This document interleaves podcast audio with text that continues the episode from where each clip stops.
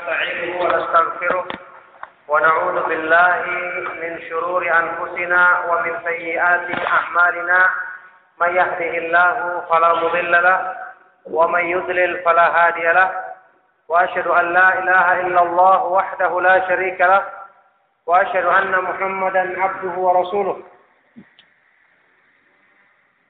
يا أيها الذين آمنوا اتقوا الله حق تقاته ولا تموتن إلا وأنتم مسلمون. يا أيها الناس اتقوا ربكم الذي خلقكم من نفس واحدة وخلق منها زوجها وبث منهما رجالا كثيرا ونساء واتقوا الله الذي تساءلون به والأرحام إن الله كان عليكم رقيبا. يا أيها الذين آمنوا اتقوا الله وقولوا قولا سديدا يصلح لكم أعمالكم ويغفر لكم ذنوبكم ومن يطع الله ورسوله فقد فاز فوزا عظيما. أما بعد فإن أصدق الحديث كتاب الله وخير الهدي هدي محمد صلى الله عليه وآله وسلم وشر الأمور محدثاتها وكل محدثة بدعة وكل بدعة ضلالة وكل ضلالة في النار. وبعد الحمد لله أيها الإخوة في الله إخواني وأخواتي في الدين أعزكم الله Alhamdulillah kita bersyukur kepada Allah Subhanahu wa taala yang masih tetap sampai saat ini memudahkan kita senantiasa berjalan di atas petunjuknya.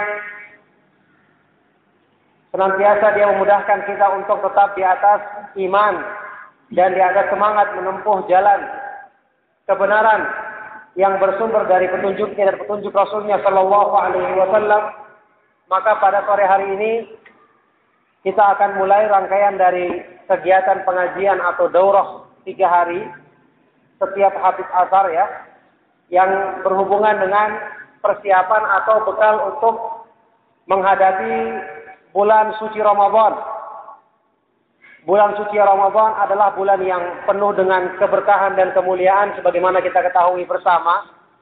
Maka karena agung dan mulianya bulan ini, maka tentu kedudukannya atau keadaannya adalah seperti tamu agung yang dinanti-nantikan kedatangannya oleh orang-orang yang beriman.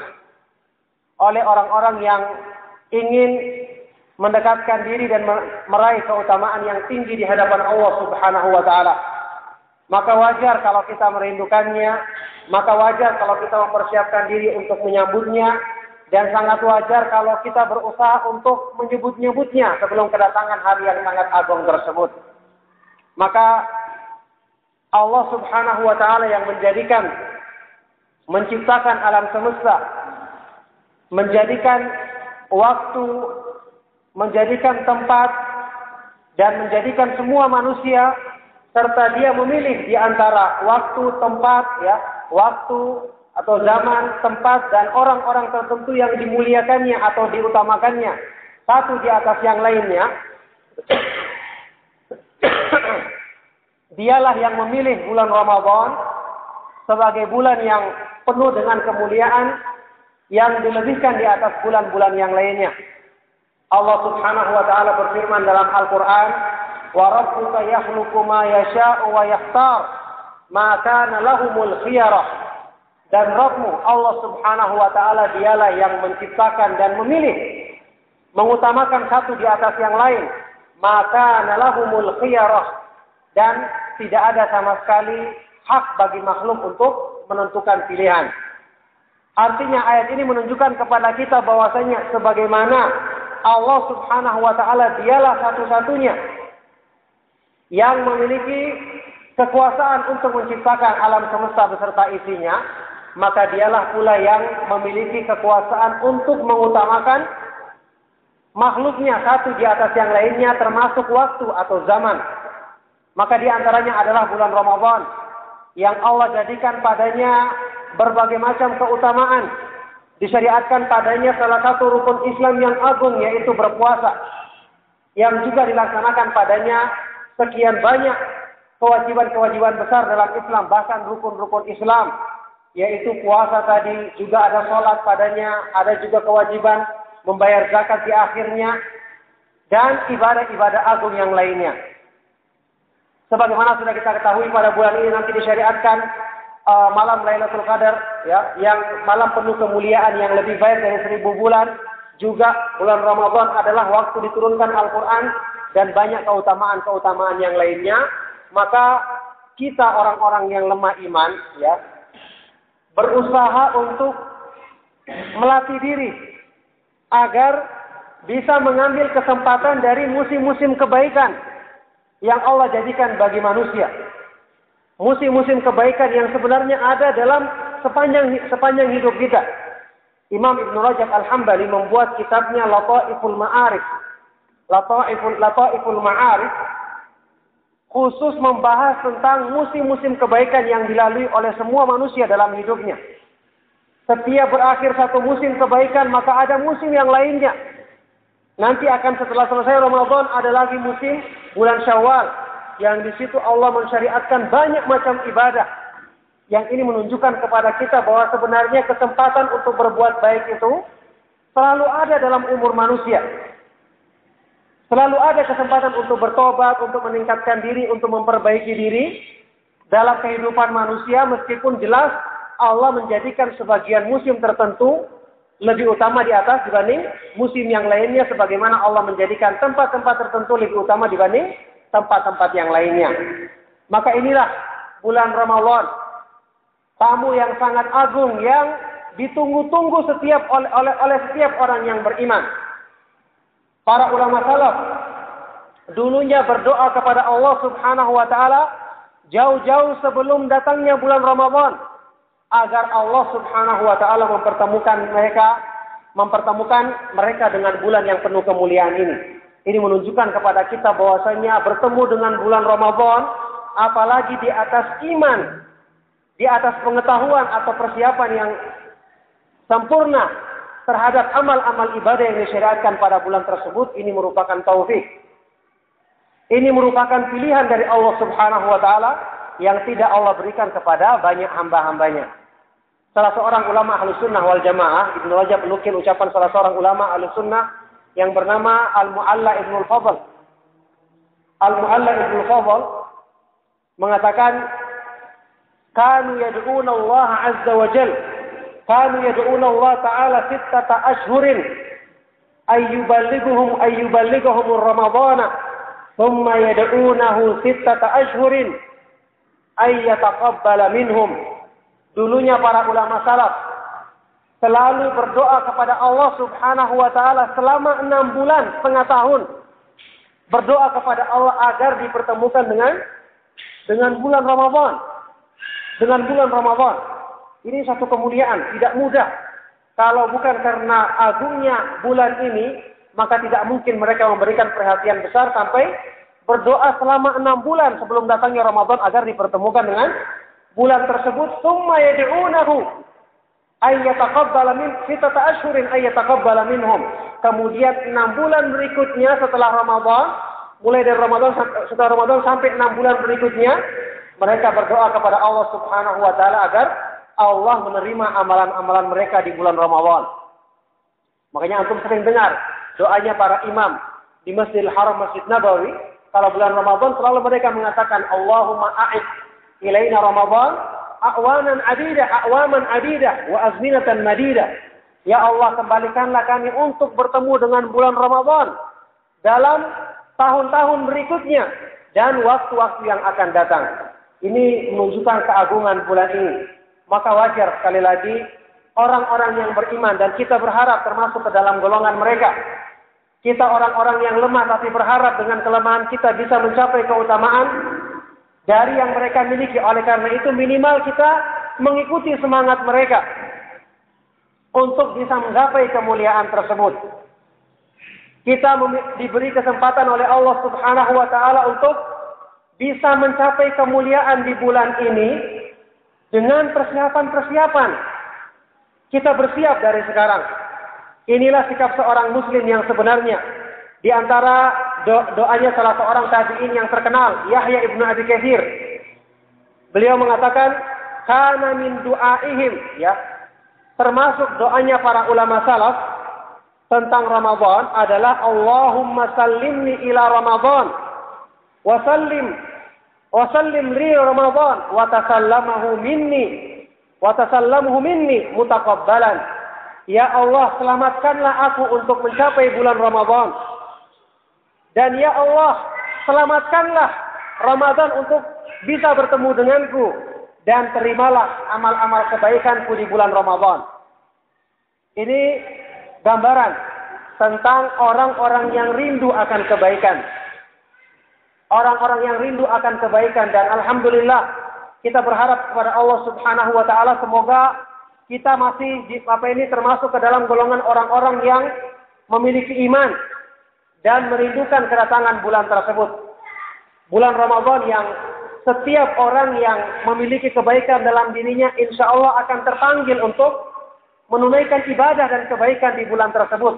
Dalam sebuah hadis yang sahih, ketika Rasulullah Shallallahu Alaihi Wasallam menjelaskan keutamaan Ramadan, beliau mengatakan, wa fi kulli lailatin yunadi munadin ya bagiyal khairi aqbil wa ya bagiyal syarri aqsir dan pada setiap malam di bulan Ramadan akan ada penyeru yaitu malaikat yang berseru ya bagiyal khair wahai orang-orang yang menginginkan kebaikan Akbil, hadapkanlah dirimu.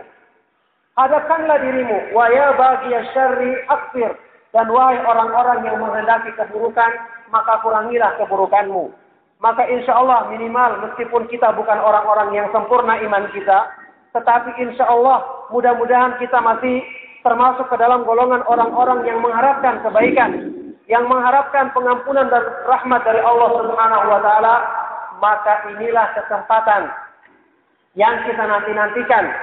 Musim kebaikan yang paling utama yang insya Allah sebentar lagi akan kita jumpai dengan izin Allah subhanahu wa ta'ala.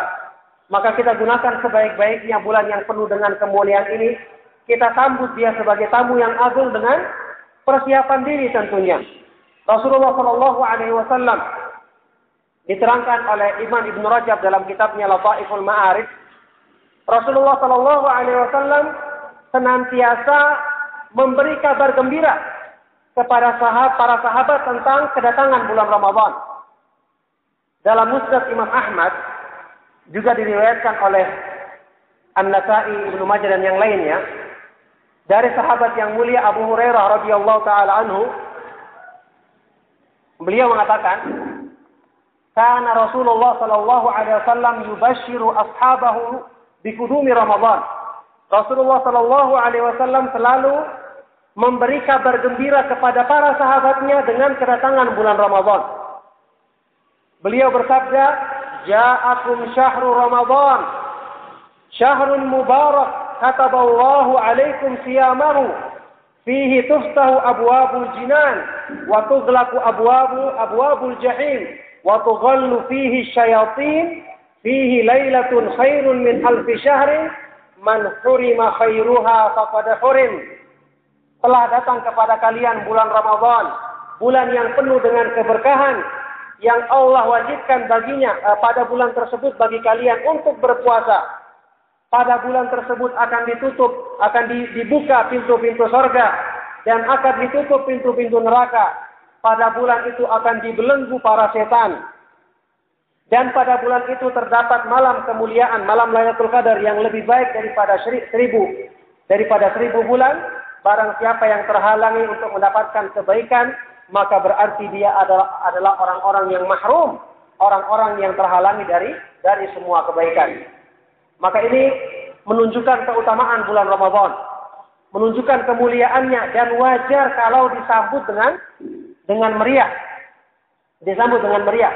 Sebagian ulama ada yang mengambil istimbat dari hadis ini tentang bolehnya mengucapkan tahniah apa tahniah artinya?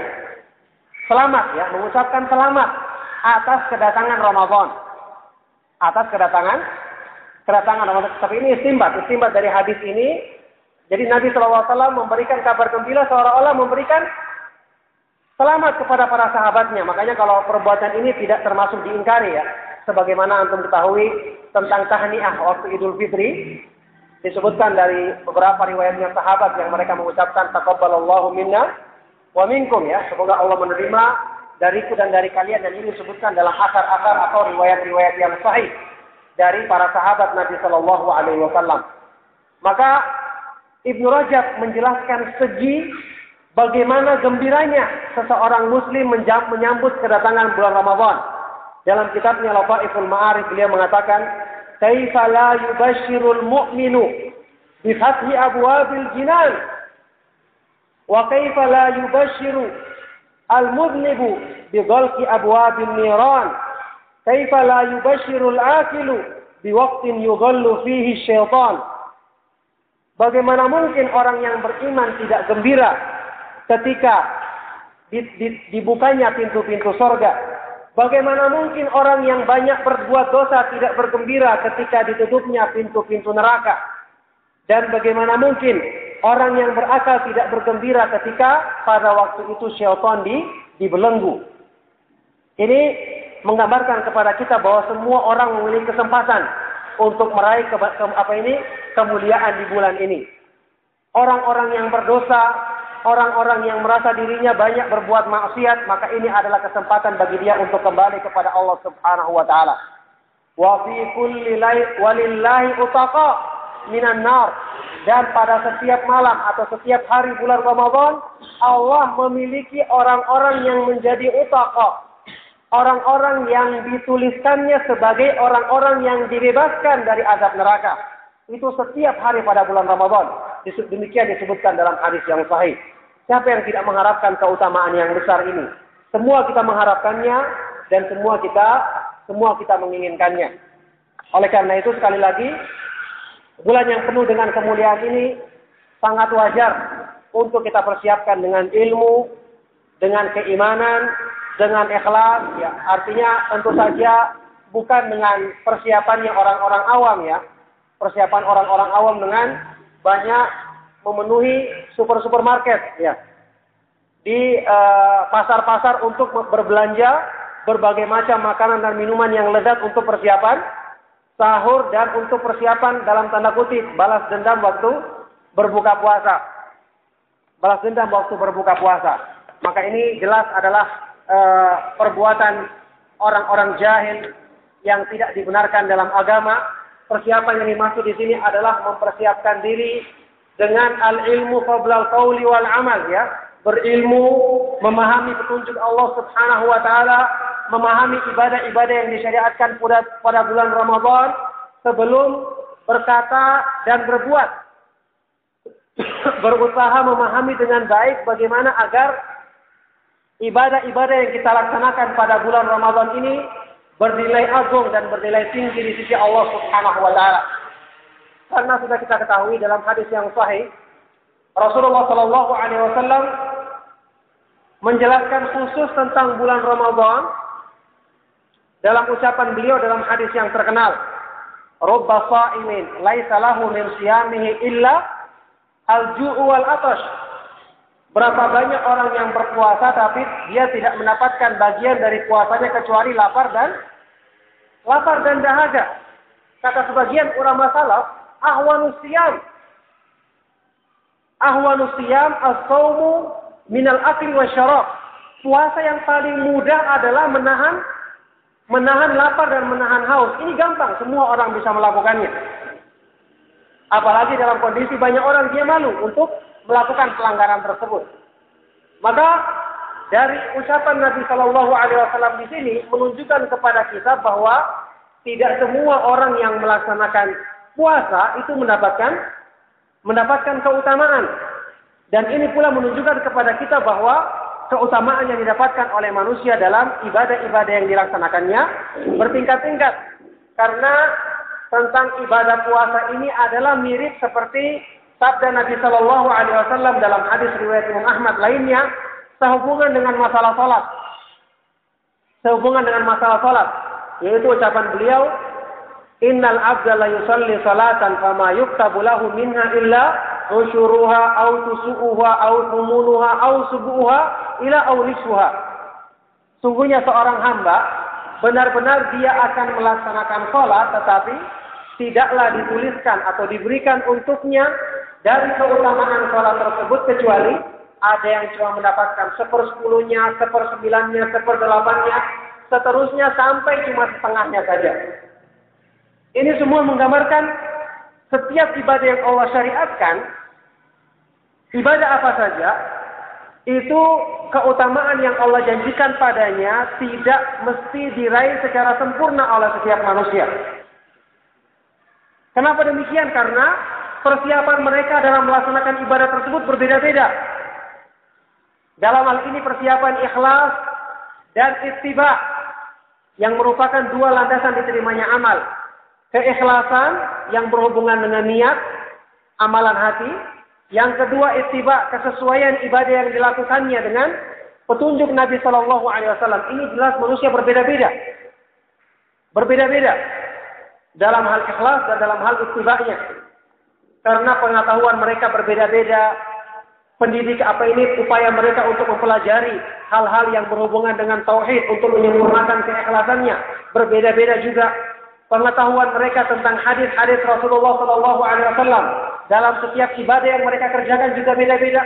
Maka inilah yang menjadikan bertingkat-tingkatnya amal manusia. Bertingkat-tingkatnya keutamaan yang diterima oleh manusia dari Allah Subhanahu Wa Taala. Maka persiapan yang kita lakukan untuk mengambil apa ini kemuliaan, keutamaan yang maksimal di bulan yang agung ini adalah mempelajari petunjuk Nabi Shallallahu Alaihi Wasallam dalam berpuasa.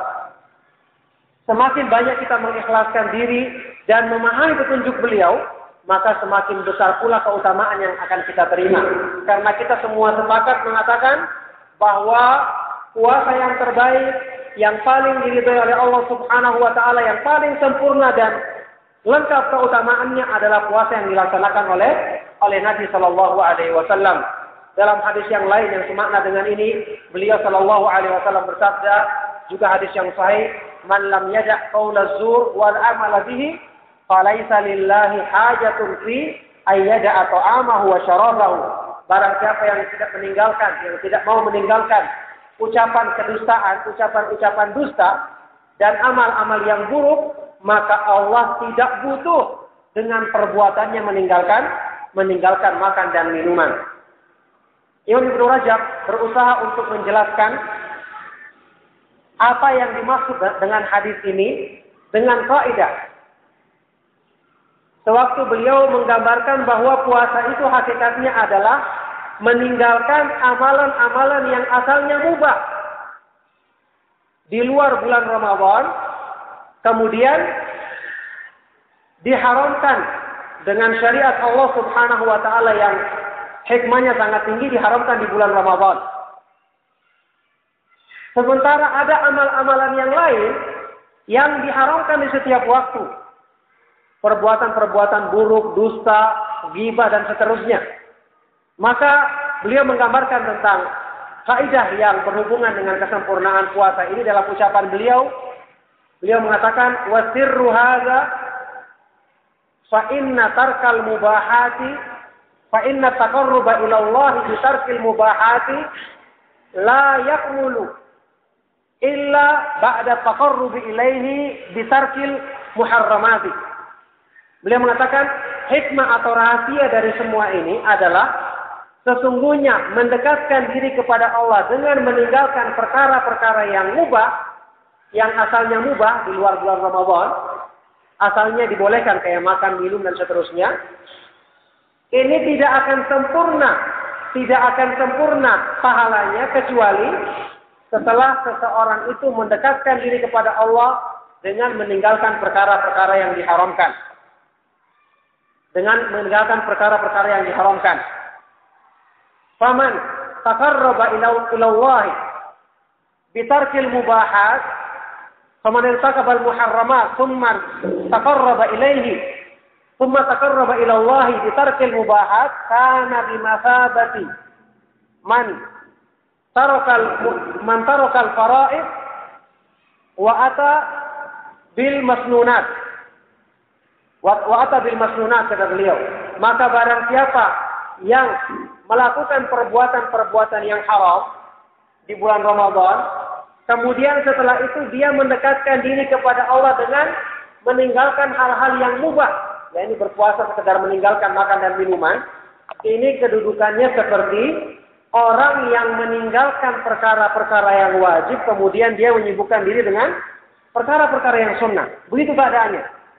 Kira-kira apa diterima atau sempurna orang yang melaksanakan perkara-perkara yang anjuran, yang bersifat sunnah, sementara dia meninggalkan kewajibannya? Maka jawabannya jelas tidak tidak sempurna. Maka inilah keadaannya.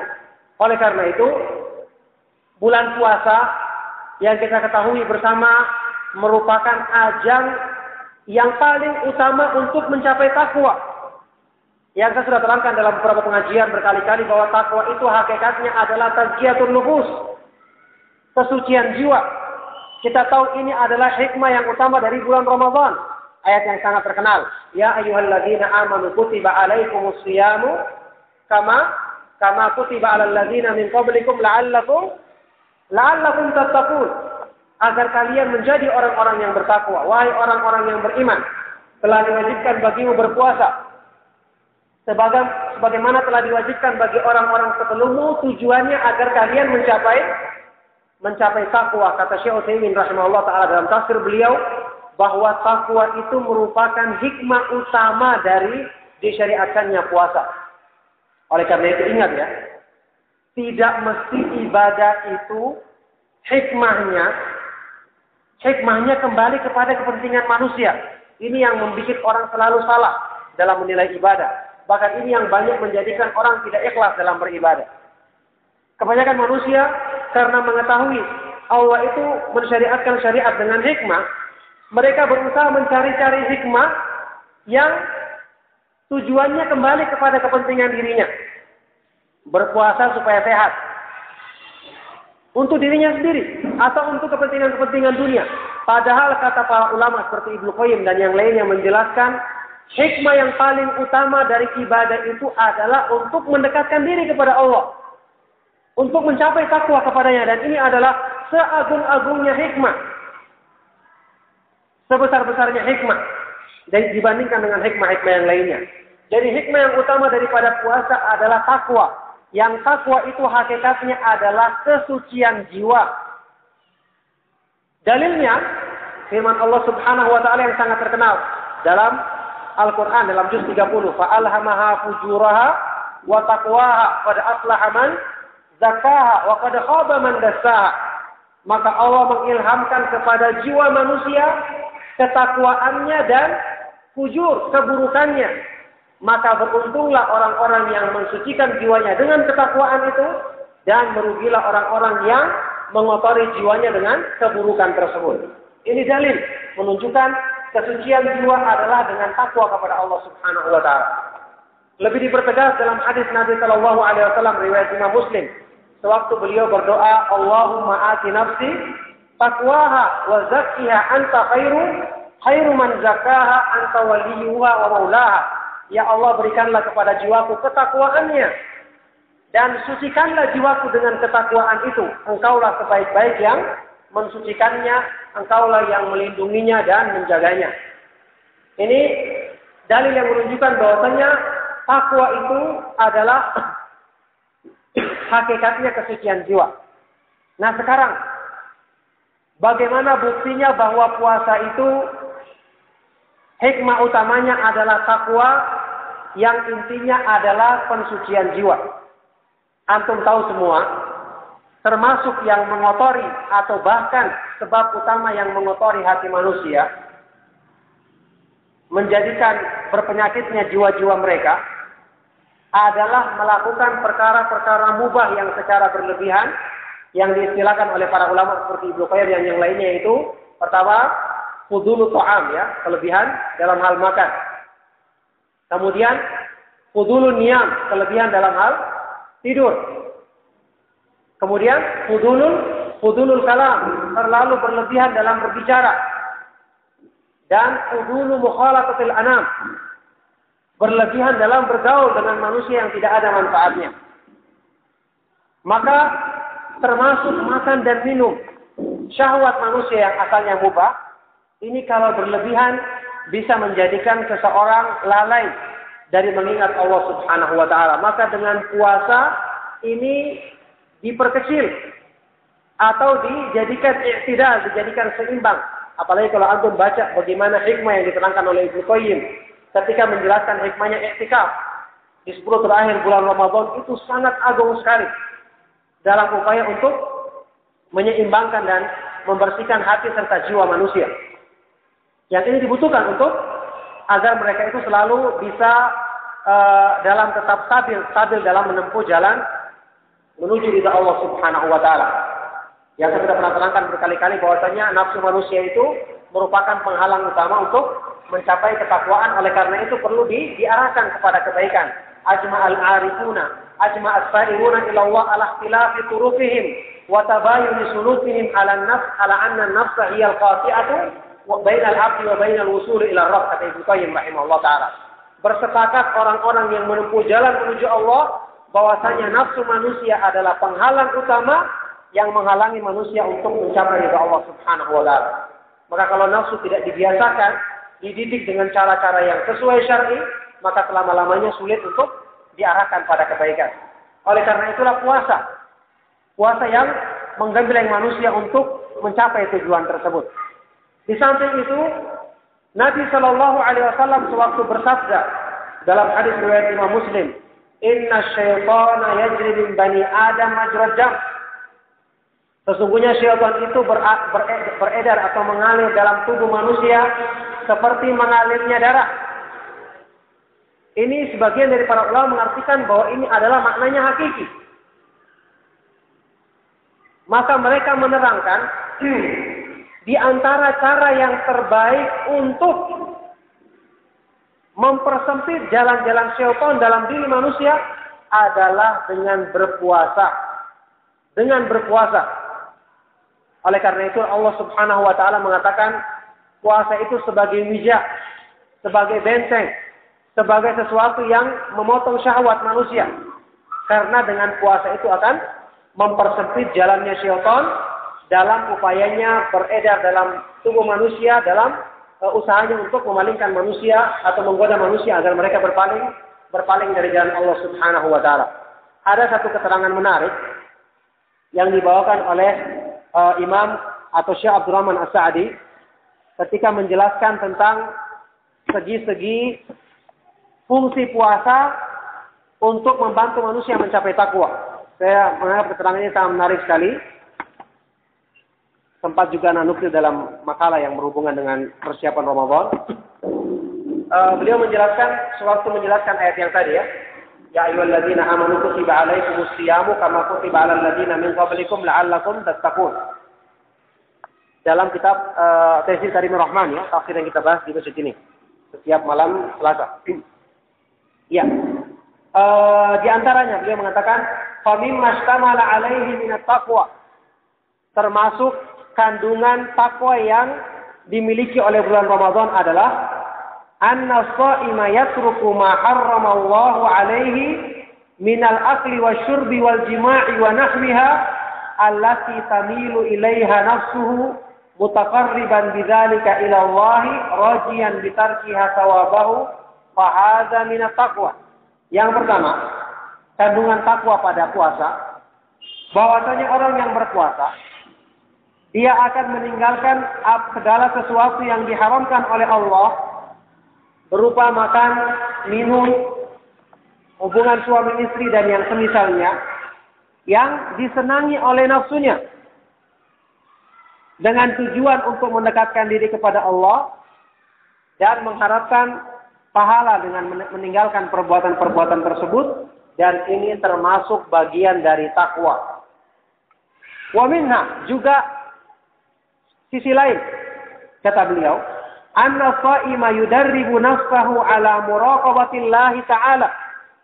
Orang yang berpuasa, maka dia selalu membiasakan dirinya untuk senantiasa merasakan pengawasan Allah. Karena yang mengetahui bahwa dia sungguh-sungguh berpuasa adalah cuma dia sendiri setelah Allah Subhanahu wa taala.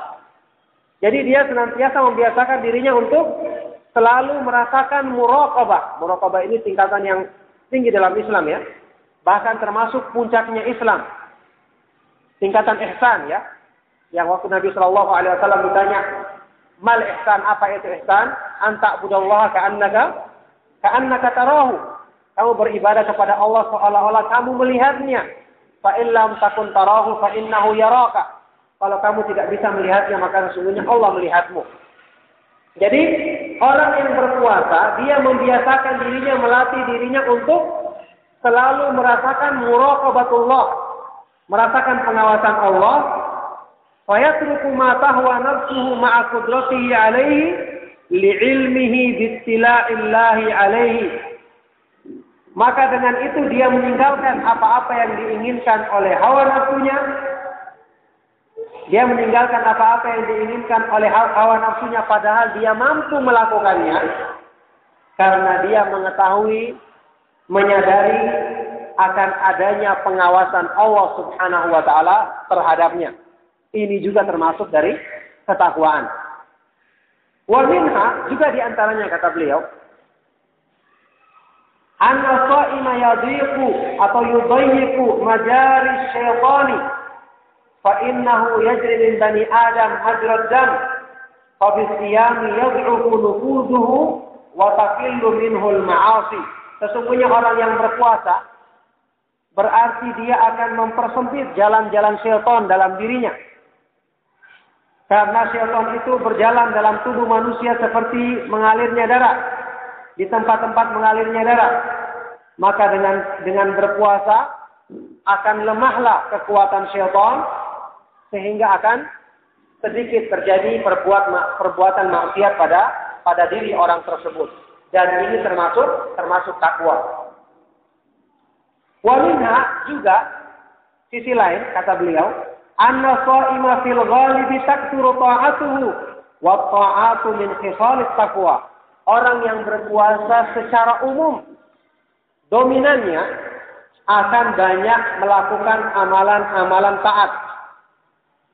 Amalan-amalan taat. Ini termasuk di antara berkahnya bulan Ramadan.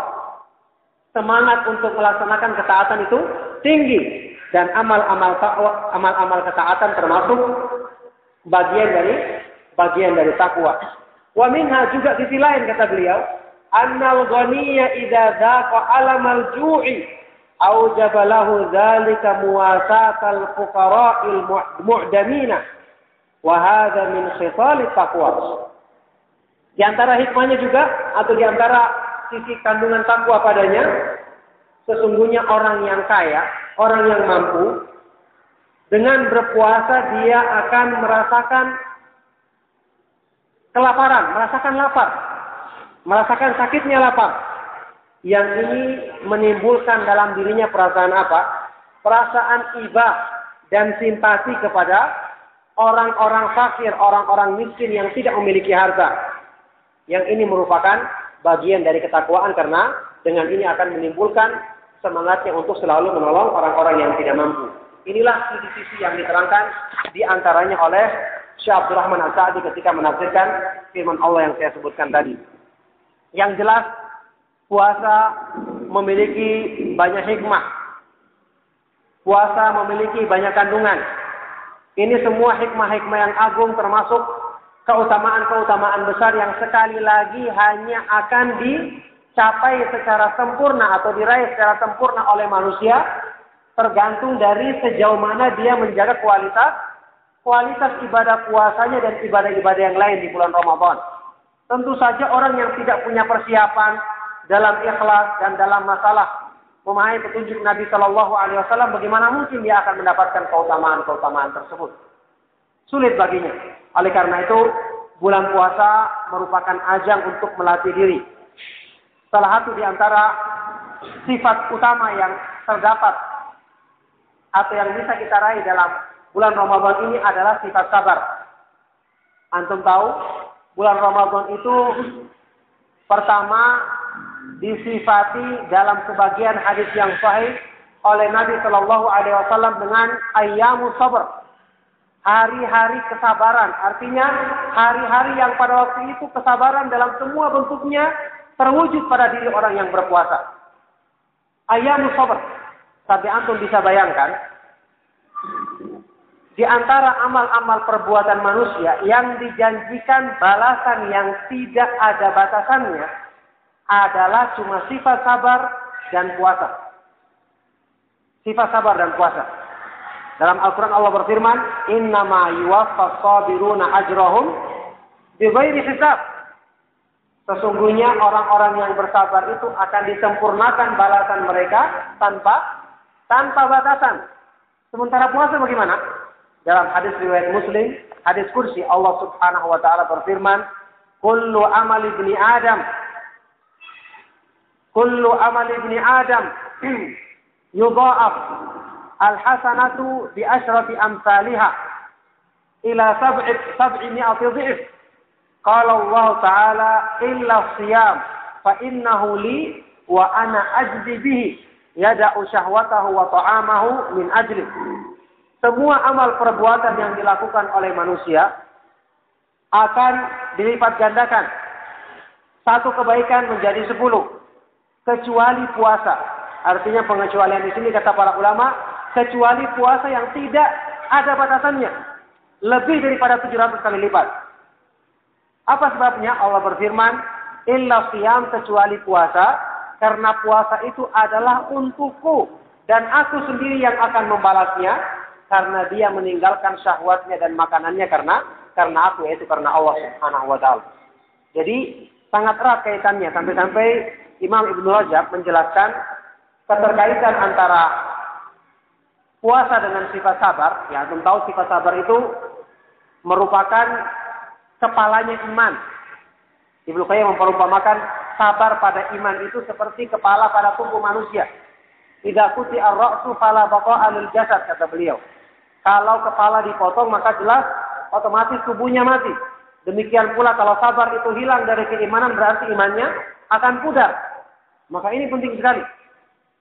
Nah Ibrahim menjelaskan bagaimana segi keterkaitan antara puasa dengan sifat sabar atau perhatikan sabar dengan tiga jenisnya itu semua terkumpul pada diri orang yang berpuasa.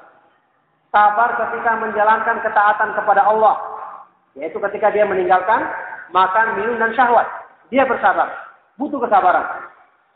Sabar dalam meninggalkan larangan-larangannya. Juga dalam puasa bahkan lebih dituntut lagi karena itu mempengaruhi kebaikan dalam dalam puasa. Meninggalkan perkara-perkara yang diharamkan oleh Allah Subhanahu wa taala seperti yang hadis yang kita bahas tadi. Yang terakhir bersabar ketika mendapati musibah-musibah maka itu pun juga dirasakan dalam berpuasa ketika dia menahan rasa lapar, rasa haus, lemah badannya atau bahkan sakit yang dirasakannya. Maka terkumpul secara sempurna yang ini menunjukkan bahwasanya puasa ini merupakan ajan yang besar, kesempatan besar untuk melatih sifat sabar yang merupakan uh, sebab yang menjadikan kuatnya keimanan seseorang, maka sifat sabar dan sifat-sifat keutamaan dan mulia lainnya Allah Subhanahu wa taala jadikan bulan puasa yang penuh dengan kemuliaan ini sebagai ajang untuk melatih diri agar bisa mendapatkan sifat-sifat keutamaan tersebut. Maka ini di antara segi-segi yang menunjukkan keharusan kita untuk mempersiapkan diri sekali lagi, sekali lagi semua orang akan berbicara tentang persiapan Ramadan. Tetapi tentu saja orang-orang yang berilmu orang-orang yang diberi taufik untuk mempelajari tauhid dan sunnah Nabi Shallallahu Alaihi Wasallam, tentu saja mereka adalah orang-orang yang paling beruntung mendapatkan keutamaan yang terbesar dengan izin Allah Subhanahu Wa Taala. Karena ilmu itu menjadikan amal yang sedikit besar nilainya. Al ilmu illatul amali wa kasratul ajri. Itu di antara judul yang dibuat oleh Ibnu Qayyim tentang keutamaan ilmu dalam kitab yang sahih dari Sa'adah ilmu itu menjadikan amal yang sedikit besar, besar nilainya karena dengan ilmu yang diperbaiki adalah kualitas daripada amalan. Jadi sekali lagi semua orang persiapan, semua orang membicarakan Ramadan saat-saat ini. Tetapi orang-orang yang berilmu, yang paham kebenaran, yang menjadi fokus utamanya adalah bagaimana meningkatkan kualitas ibadahnya. Karena mereka paham tentang tauhid, memahami makna tauhid yang butuh mereka murojaah kembali, mereka dekat dengan sunnah dan hadis-hadis Nabi Shallallahu Alaihi Wasallam, yang mereka usahakan untuk dipelajari sebaik-baiknya agar bisa mendapatkan keutamaan keutamaan yang sebenar-benarnya.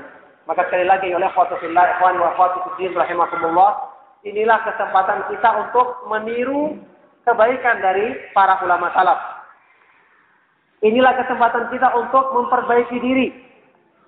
Jangan sampai naudzubillah min dzalik ya tahu semua hadis yang sahih ketika Nabi Shallallahu alaihi wasallam mengaminkan doanya Jibril, "Rajima ankum ri'in," celakalah seseorang yang melakukan tiga hal di antaranya man adrakahu man adrakathu Ramadan fansarafa minha wa lam yughfar lahu. Orang yang telah bertemu bulan Ramadan kemudian bulan Ramadan berakhir dalam keadaan dia belum diampuni dosa-dosanya. Orang seperti ini celaka dalam doanya malaikat Jibril dan diaminkan oleh Nabi Shallallahu alaihi wasallam. Doanya pemimpin malaikat yang diaminkan oleh pimpinannya para nabi alaihi wasallam. Ini orang-orang yang merugi. Orang-orang yang merugi maka sekali lagi tentu orang-orang yang diberi taufik untuk bisa mempelajari keikhlasan dengan benar, mempelajari sunnah Nabi Shallallahu Alaihi Wasallam, petunjuk beliau dalam puasa, mereka lah yang paling berpeluang untuk mendapatkan keutamaan yang besar ini. Maka mulai sekarang kita tanamkan kuat-kuat dalam diri kita untuk berusaha memperbaiki diri agar puasa kita yang kita lakukan pada bulan ini minimal lebih baik daripada yang kita lakukan di tahun-tahun sebelumnya. Dan apa pun yang kita lakukan insya Allah tidak terhalangi. Meskipun kalau kita punya pekerjaan berat ya sebaiknya di, dikurangi. Ini termasuk anjuran dari para ulama. Makanya di Saudi itu kalau bulan puasa pekerjaan-pekerjaan itu semua di, dikurangi waktunya. Dikurangi waktunya. Termasuk sekolah dan pekerjaan kantor dikurangi waktunya. Agar seseorang bisa maksimal mengkonsentrasikan diri melaksanakan ibadah yang agung ini dengan dengan sebaik-baiknya. Oleh karena itu sekali lagi siapa pun kita, apa pun yang kita lakukan, maka tidak ada yang menghalangi kita untuk bisa mencapai keutamaan yang besar ini. Maka ini sebagai mukaddimah ya dari daurah yang kita lakukan insya Allah pada mulai dari besok sore kita akan membaca kitab uh, Sifatul Nabi ya. Tata cara berpuasa Nabi Shallallahu Alaihi Wasallam yang juga sudah diterjemahkan ya. Uh, insya Allah demikian. Semoga Allah Subhanahu Wa Taala memberikan manfaat dari kajian yang kita adakan pada sore hari ini. Uh, kita akhiri dengan uh, pengumuman atau penyampaian di antaranya mudah-mudahan nanti selama bulan Ramadan ya Allah Subhanahu wa taala memudahkan Anda berencana untuk setiap habis sholat subuh ya membaca kitab Majalis Syahr Ramadan tulisan Syekh Muhammad bin Shalih ya. Jadi majelis di bulan Ramadan setiap hari satu majelis dan ringkas ya kitab tersebut setiap habis sholat subuh dari hari pertama Ramadan di Masjid As-Sunnah. As-Sunnah. Semoga Allah memudahkannya. Adapun nanti di malam harinya kalau memang pengajian yang rutin diliburkan, maka kita usahakan untuk manfaatkan uh, antara maghrib dan isya kalau ada waktu nantinya untuk kita manfaatkan dengan uh, membaca kitab yang berhubungan dengan adab-adab atau hukum-hukum yang berkenaan dengan bulan Ramadan insya Allah. E, demikian yang ingin saya sampaikan dan apa yang segala kekurangannya. Sallallahu wasallam wa ala nabiyina Muhammadin wa ala alihi wa man tabi'ahum bi ihsan yaumil qiyamah wa akhir da'wana alhamdulillahi rabbil alamin. Kalau ada pertanyaan silakan.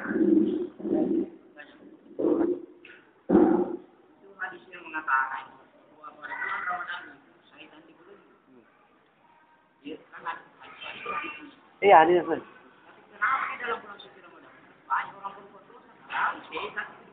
Iya, karena orang mau pergi ke Padahal di dalam hadis ini dikatakan setan tapi kenapa banyak orang berbuat dosa di Ramadan?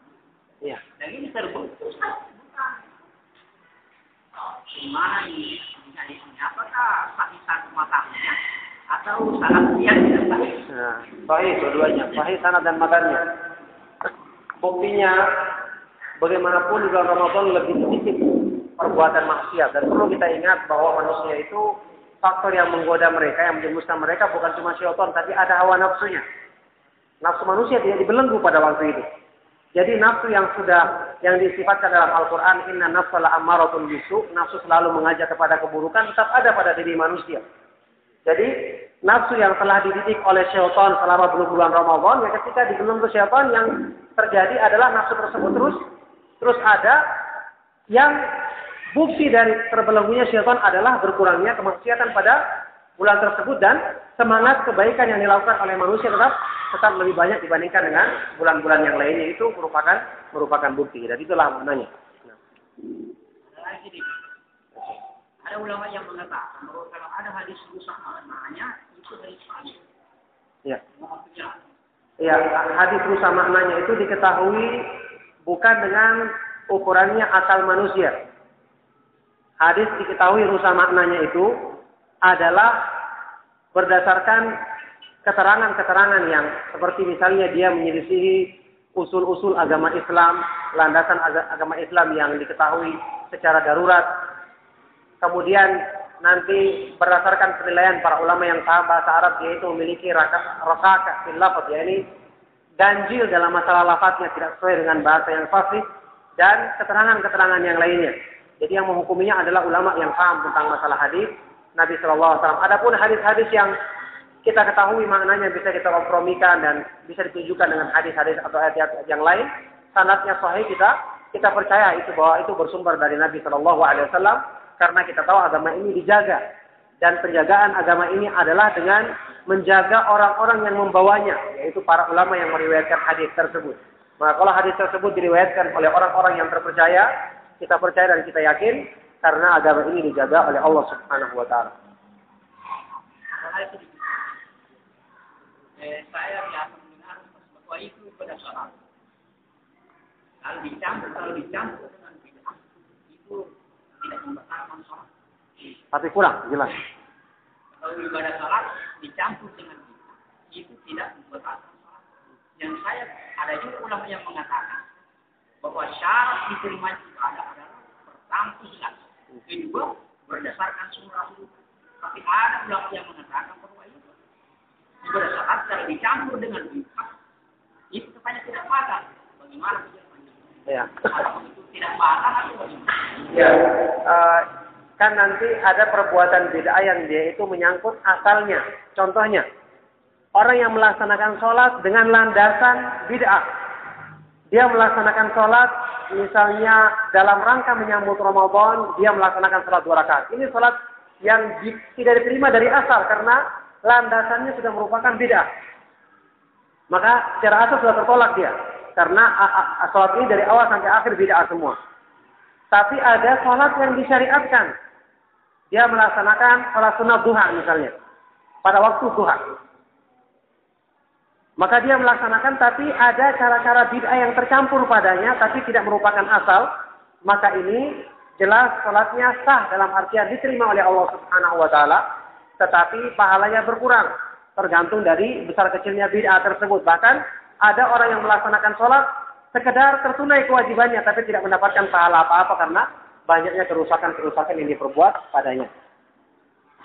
Ini ada pertanyaan, apabila seorang wanita yang hamil atau menyusui tidak berpuasa penuh pada bulan Ramadan, mana yang lebih afdol mengkodok puasanya atau cukup membayar fidyah? Iya, e, masalah ini diperselisihkan oleh para ulama dengan perselisihan yang cukup panjang ya. Perselisihan cukup panjang. E, di antara mereka ada yang membedakan. Wanita yang hamil atau menyusui, dia tidak berpuasa itu karena apa? Khawatir akan dirinya, kesehatan dirinya, atau anak yang dikandungnya, atau disusuinya. Mereka membedakan. Kalau dia mengkhawatirkan dirinya sendiri, maka pendapat ini mengatakan dia seperti orang yang sakit. Cukup mengkodok saja mengganti di hari lain tanpa perlu membayar fidyah. Kalau dia mengkhawatirkan anaknya, maka dia mengkodok dan membayar fidyah sekaligus dua-duanya. Ini pendapat yang dikuatkan oleh Syekh Utsaimin dalam salah satu keterangan beliau di Syarhul Mumti atau di Majalis Syahr Ramadan. Di keterangan yang lain beliau mengatakan bahwasanya eh, kedua-duanya uh, cukup dengan di di kodok saja begitu. Dua keadaannya. Tapi pendapat ini terbantah dengan beberapa asar yang sahih dari beberapa sahabat seperti Ibnu Omar, Ibnu Abbas, yang mereka mengatakan cukup dengan fidyah saja. Cukup dengan fidyah saja. Ini Syekh Utsaimin membawakan juga asar tersebut, cuma beliau mengatakan secara asal setiap orang yang meninggalkan puasa dan bisa membayarnya itu wajib untuk membayarnya karena ayat itu. Fa'iddatun min min ayamin min ayamin ukhra. Maka mereka diganti dengan puasa dengan puasa pada hari yang lain.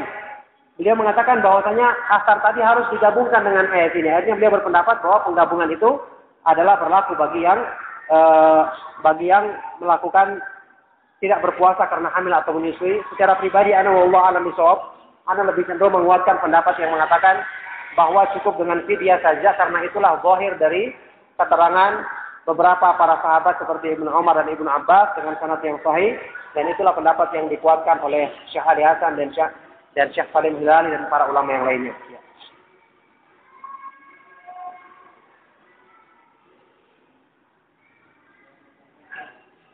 Bolehkah kita meniatkan dua puasa dalam satu hari, misalnya puasa sunnah Senin atau Kamis, dengan puasa Syawal dengan berharap supaya dua pahala darinya. Ini juga uh, dijelaskan oleh para ulama, jika puasa tersebut tidak bertentangan, artinya satu wajib, satu sunnah, maka boleh diniatkan sekaligus. Kayak seperti puasa Syawal dengan puasa Senin Kamis bagi yang terbiasa ya, bagi yang terbiasa melaksanakan puasa Senin Kamis, karena itu kebiasaannya yang tidak mungkin dia tinggalkan karena rutin, maka dia bisa menggabungnya. Menggabungnya dengan dua puasa tersebut. Yang tidak boleh adalah kalau puasa wajib dengan puasa sunnah, maka itu tidak tidak diperbolehkan. Demikian pula puasa-puasa yang sama-sama wajibnya tapi beda jenisnya. Kayak puasa Ramadan dengan puasa misalnya nazar. Jelas ini beda jenisnya, maka tidak boleh digabung. Ya. Kalau membayar puasa Ramadan dan puasa nazar, ya tidak boleh digabung.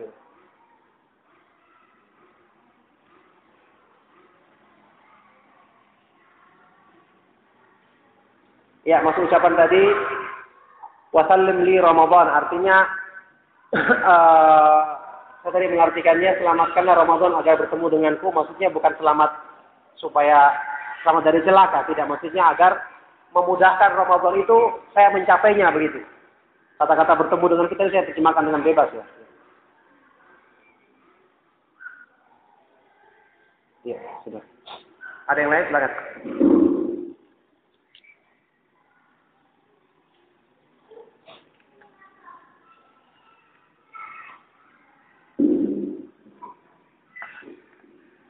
Salat tarawih gimana? Tontonan. Yang sunnah, sunnah. Jam berapa? Jam 8 sampai.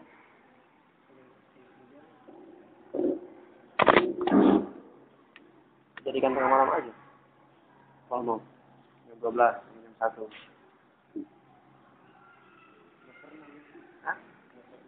Tadi jauh gitu. Jam 2 misalnya.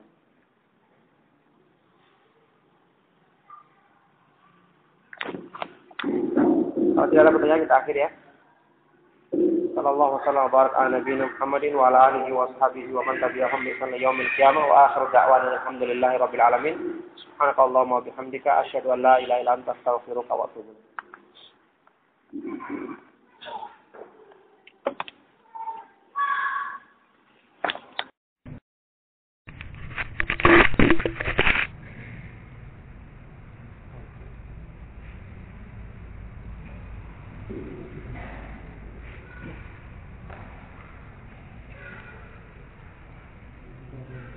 إن الحمد لله نحمده ونستعينه ونستغفره ونعوذ بالله من شرور أنفسنا ومن سيئات أعمالنا من يهده الله فلا مضل له ومن يضلل فلا هادي له وأشهد أن لا إله إلا الله وحده لا شريك له وأشهد أن محمدا عبده ورسوله صلى الله عليه وعلى آله وأصحابه wa man tabi'ahum bi ihsanin ila yaumil qiyamati amma ba'du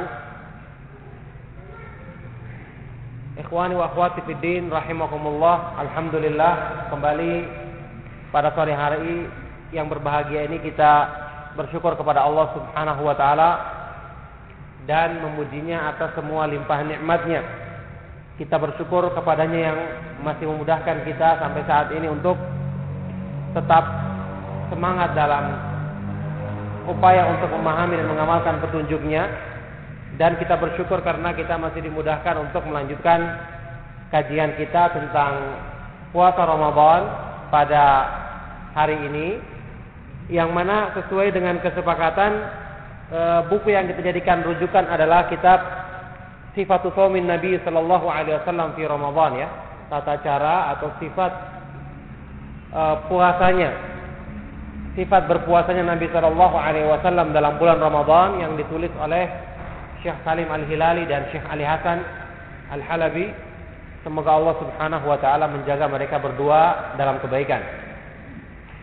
Ya, sesuai dengan e, pembahasan atau urutan-urutan pembahasan dalam kitab ini, setelah pada pertemuan kemarin telah kita bahas sedikit mengenai mukaddimah tentang gambaran umum keutamaan Ramadan dan juga sikap para ulama salaf dalam menyambut tamu agung tersebut ya juga e, targib anjuran untuk memanfaatkan waktu dengan sebaik-baiknya ketika menjalankan ibadah-ibadah yang agung di bulan yang penuh kemuliaan ini, kita akan melihat beberapa keutamaan ya.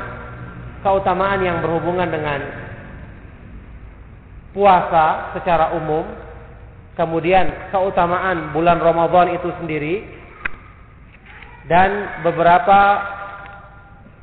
uh, apa ini kemuliaan-kemuliaan yang Allah Subhanahu wa taala berikan bagi orang-orang yang bisa melaksanakan petunjuknya dan petunjuk nabinya Shallallahu Alaihi Wasallam dalam bulan kemuliaan tersebut.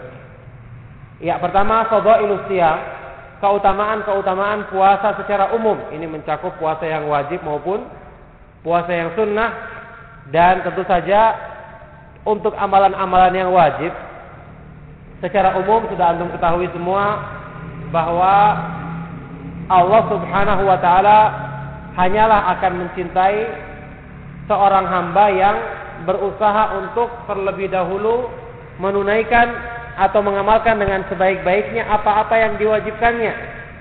Apa-apa yang diwajibkannya kepada manusia yang sudah kita ketahui ini semua adalah syarat untuk mencapai predikat wali sebagai kekasih Allah Subhanahu wa taala seperti yang disebutkan dalam hadis kursi yang sahih riwayat Imam Bukhari.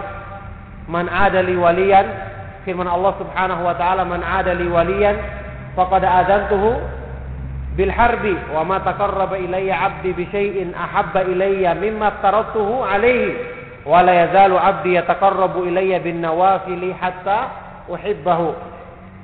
Barang siapa yang memusuhi kasihku memusuhi waliku maka sungguh aku telah menyatakan perang terhadapnya. Dan tidaklah seorang hamba itu mendekatkan diri kepadaku dengan satu amal yang lebih aku cintai dari apa yang aku wajibkan baginya dan senantiasa hambaku mendekatkan diri kepadaku dengan perkara-perkara yang bersifat nafilah sehingga aku pun aku pun mencintainya. Maka ini jelas keutamaan umum yang berhubungan dengan amal-amal yang wajib bahwasanya agar bisa meraih cinta dari Allah Subhanahu wa taala berusaha seseorang itu harus berusaha pertama menyempurnakan kewajiban-kewajibannya, kemudian mengamalkan amalan-amalan yang sunnah yang sudah kita ketahui. Amalan-amalan sunnah itu disebutkan dalam hadis sahih yang lainnya merupakan pelengkap dan penyempurna dari kekurangan-kekurangan yang kita lakukan dalam menjalankan kewajiban-kewajiban kita. Ya. Adapun keutamaan-keutamaan puasa yang disebutkan dalam ayat-ayat Al-Quran maupun hadis-hadis yang sahih. Pertama, firman Allah dalam surat Al-Ahzab ayat 35. Allah berfirman, "Innal muslimina wal muslimati wal mu'minina wal mu'minati wal qanitina wal qanitati was sadiqina was sadiqati was sabirina was sabirati wal khashi'ina wal khashi'ati wal mutasaddiqina wal mutasaddiqati was saimina was saimati والحافظين فروجهم والحافظات والذاكرين الله كثيرا والذاكرات أعد الله لهم مغفرة وأجرا عظيما Sesungguhnya, jadi Allah menyebutkan dalam ayat ini sifat-sifat terpuji, sifat-sifat terpuji yang dimiliki oleh hamba-hambanya yang bertakwa. Surat Al-Ahzab ayat 35. Allah berfirman, sesungguhnya orang-orang yang muslim laki-laki maupun perempuan orang-orang yang beriman laki-laki maupun perempuan, orang-orang yang qanitin selalu tunduk kepada Allah laki-laki maupun perempuan, as-sadiqin orang-orang yang benar, orang-orang yang jujur laki-laki maupun perempuan, orang-orang yang bersabar laki-laki maupun perempuan, khashiin orang-orang yang khusyuk ya, selalu tunduk kepada Allah laki-laki maupun perempuan, al-mutasaddiqin ya, orang-orang yang selalu bersedekah, laki-laki maupun perempuan, wasaimin dan orang-orang yang selalu berpuasa. Orang-orang yang selalu berpuasa, laki-laki maupun perempuan, wal hafizina furujahum dan orang-orang yang menjaga kemaluannya laki-laki maupun perempuan dan orang-orang yang banyak menyebut nama Allah laki-laki maupun perempuan Allah sediakan bagi mereka pengampunan dan pahala yang agung. Ini jelas disebutkan dalam bentuk dalam bentuk pujian menunjukkan bahwasanya di antara sifat hamba-hamba Allah yang bertakwa adalah mereka itu as-saimin was-saimat ya. Orang-orang yang selalu berpuasa baik yang wajib tentu saja yang utama kemudian puasa termasuk puasa-puasa yang bersifat anjuran laki-laki maupun maupun perempuan. Nah, itu ayat yang pertama. Ayat yang berikutnya Surat Al-Baqarah ayat 184. Ketika Allah menjelaskan tentang kewajiban puasa dan hal-hal yang berhubungan dengannya di situ Allah berfirman, "Wa antasumu khairul lakum in kuntum ta'lamun." Dan jika kalian berpuasa, maka itu adalah lebih baik bagi kalian jika kalian mengetahuinya. Ini juga menunjukkan bahwasanya puasa itu adalah satu amal yang baik, satu keutamaan yang besar dan lebih lanjut dalam hadis-hadis yang sahih Rasulullah Shallallahu alaihi wasallam menjelaskan tentang keutamaan puasa dalam berbagai bentuk keutamaannya. Sekali lagi, jangan kita lupakan penjelasan yang saya terangkan pada pertemuan yang lalu bahwa keutamaan tersebut akan diterima oleh manusia sesuai dengan terkumpulnya dalam dirinya syarat-syarat atau sempurnanya dalam dirinya wujud dari syarat-syarat diterimanya amal. Jika semakin sempurna ikhlasnya dan semakin sempurna amal ibadah yang diamalkannya sesuai dengan contoh dari Nabi Shallallahu Alaihi Wasallam, maka semakin sempurna pula keutamaan yang diterimanya dan jika semakin kurang maka juga semakin semakin kurang. Pertama, keutamaan yang disebutkan dalam hadis yang sahih yaitu as-saumu junnah. Puasa itu adalah junnah, perisai atau tameng ya. Perisai untuk melindungi diri dari neraka. Ini disebutkan dalam hadis-hadis yang sahih tentang fungsi daripada sorga untuk melindungi seseorang dari neraka. Di antaranya hadis yang diriwayatkan oleh Imam Ahmad dan lainnya dari sahabat Jabir dan beberapa sahabat yang lainnya. Rasulullah Shallallahu Alaihi Wasallam bersabda, "Asyamu junnatun yastajinnu bihal abdu minan nar." As-siyamu junnatun yastajinnu bihal abdu minan nar. Puasa itu adalah perisai yang menghalangi atau yang dijadikan sebagai penghalang bagi seorang hamba dari dari api neraka. Dari api neraka. Jadi ini saya merupakan satu keutamaan yang besar karena Allah Subhanahu wa taala menjadikan puasa sebagai perisai untuk menghalangi seseorang dari api neraka. Yang diterangkan dalam penjelasan di sini bahwa puasa itu dikatakan sebagai perisai dari api neraka karena puasa itu sebagaimana sudah kita terangkan pada pertemuan kemarin itu berfungsi untuk meredakan syahwat manusia. Puasa itu atau bulan Ramadan itu merupakan madrasah untuk mengendalikan syahwat manusia Makanya dalam hadis lain riwayat Imam Bukhari dan Muslim, Rasulullah SAW hadis yang terkenal bersabda, "Ya ma'syar sabab, ya ma' ya ma'syar syabab, man istata'a minkumul ba'ata fal falyatazawwaj." fa innahu aghaddu lil basari wa ahsanu lil faraji wa ahsanu lil farji wa man lam yastati' fa alaihi bisiyam bisawm fa innahu lahu lahu wija wahai para pemuda barang siapa di antara kamu yang sudah mampu menanggung beban pernikahan maka hendaknya dia menikah karena itu lebih menundukkan pandangan dan lebih memelihara kemaluannya atau kehormatannya Barang siapa yang tidak mampu maka hendaknya dia melakukan puasa karena itu merupakan wijak, merupakan pemotong syahwatnya. Merupakan pengendali pengendali syahwatnya. Nah, kalau kita perhatikan bahwa dalam hadis ini Nabi Shallallahu alaihi wasallam mengatakan puasa itu sebagai pengendali syahwat, menunjukkan bahwa orang yang sering berpuasa dia akan terbiasa mengendalikan syahwatnya. Sedangkan kita tahu semua bahwasanya neraka itu hufat di di syahwat. Hadis riwayat Bukhari Muslim, sabda Nabi sallallahu alaihi wasallam, "Huffatil jannatu bil makarih wa huffatin naru syahwat." Surga itu dilingkupi dengan hal-hal yang makareh yang berat dilakukan oleh nafsu manusia sementara neraka itu dilingkupi dengan hal-hal yang disukai oleh syahwat manusia. Maka dari segi sinilah wajar kalau dikatakan puasa itu merupakan perisai dari neraka karena membantu manusia untuk terbiasa mengendalikan dirinya. Terbiasa untuk mengendalikan dirinya. Makanya dalam Al-Quran Allah subhanahu wa ta'ala mensifati penduduk sorga dalam firmannya. Wa amma man khafa maqama rabbihi wa nahan nafsa anil hawa fa innal jannata hiyal ma'wa. Adapun orang-orang yang takut terhadap keagungan Allah dan selalu menahan nafsunya dari memperturutkan syahwatnya, keinginannya, maka mereka inilah yang Allah jadikan sorga sebagai sebagai tempat kembalinya. Ini e, segi yang menunjukkan bahwasanya kenapa puasa itu dikatakan sebagai perisai yang menghalangi dari api neraka. Dalam hadis yang lain, riwayat Bukhari Muslim, Rasulullah Shallallahu Alaihi Wasallam bersabda, "Ma min abdin yasumu yauman fi sabilillahi illa ba'adallahu bidzalika wajhahu 'anil nari sab'ina kharifan sab'ina kharifan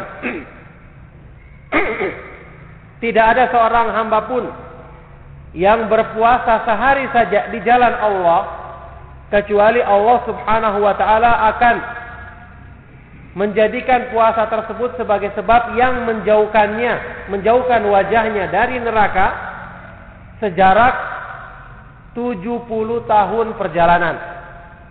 70 tahun perjalanan. Kata para ulama, kalau disebutkan dalam hadis-hadis tentang perjalanan, maksudnya adalah perjalanan di zamannya Nabi Shallallahu Alaihi Wasallam, yaitu perjalanan dengan mengendarai onta. Itu maksudnya kalau disebutkan tentang masafah ya perjalanan apa jarak tertentu perjalanan sekian tahun itu maksudnya perjalanan dengan mengendarai mengendarai onta. Ini juga menunjukkan keutamaan yang besar. Dan ada hadis-hadis yang lain yang di situ disebutkan tentang keutamaan puasa dengan kait fisabilillah di jalan Allah. Kita ketahui makna daripada kata-kata di jalan Allah kalau kita dapati nas-nas Al-Qur'an maupun hadis-hadis yang menyebutkan satu amal tertentu yang di situ dikaitkan dengan kata-kata fisabilillah di jalan Allah ini pengertiannya ada sebagian ulama yang mengatakan ini khusus bagi orang yang melakukannya ketika berjihad atau berperang melawan musuh. Tapi juga ada yang mengartikannya secara umum. Kita tahu yang namanya jalan Allah itu adalah semua amal-amal kebaikan yang disyariatkannya. Maka pengertian umum ini lebih dekat kepada pendapat yang kuat insya Allah karena yang dinamakan sebagai jalan Allah dinamakan sebagai jalan Allah Subhanahu wa taala yang dibentangkannya di dunia ini adalah jalan yang telah digariskannya yaitu amalan-amalan ibadah yang diamalkan sesuai dengan petunjuknya dan petunjuk Rasulnya Shallallahu Alaihi Wasallam. Oleh karena itulah pengertian jalan Allah di sini adalah maksudnya amalan yang diamalkan dengan ikhlas dan sesuai dengan petunjuk Nabi Shallallahu Alaihi Wasallam yang sekali lagi ini menunjukkan kepada kita keutamaan mengamalkan puasa dengan memperhatikan kualitasnya. Liyabluwakum ayyukum ahsanu ahsanu amala. Dialah Allah yang menjadikan kehidupan dan kematian agar menguji siapa di antara kamu yang lebih bagus lebih bagus amalnya. Nah oleh karena itulah persiapan paling utama untuk puasa itu memperbaiki niat. Memperbaiki niat.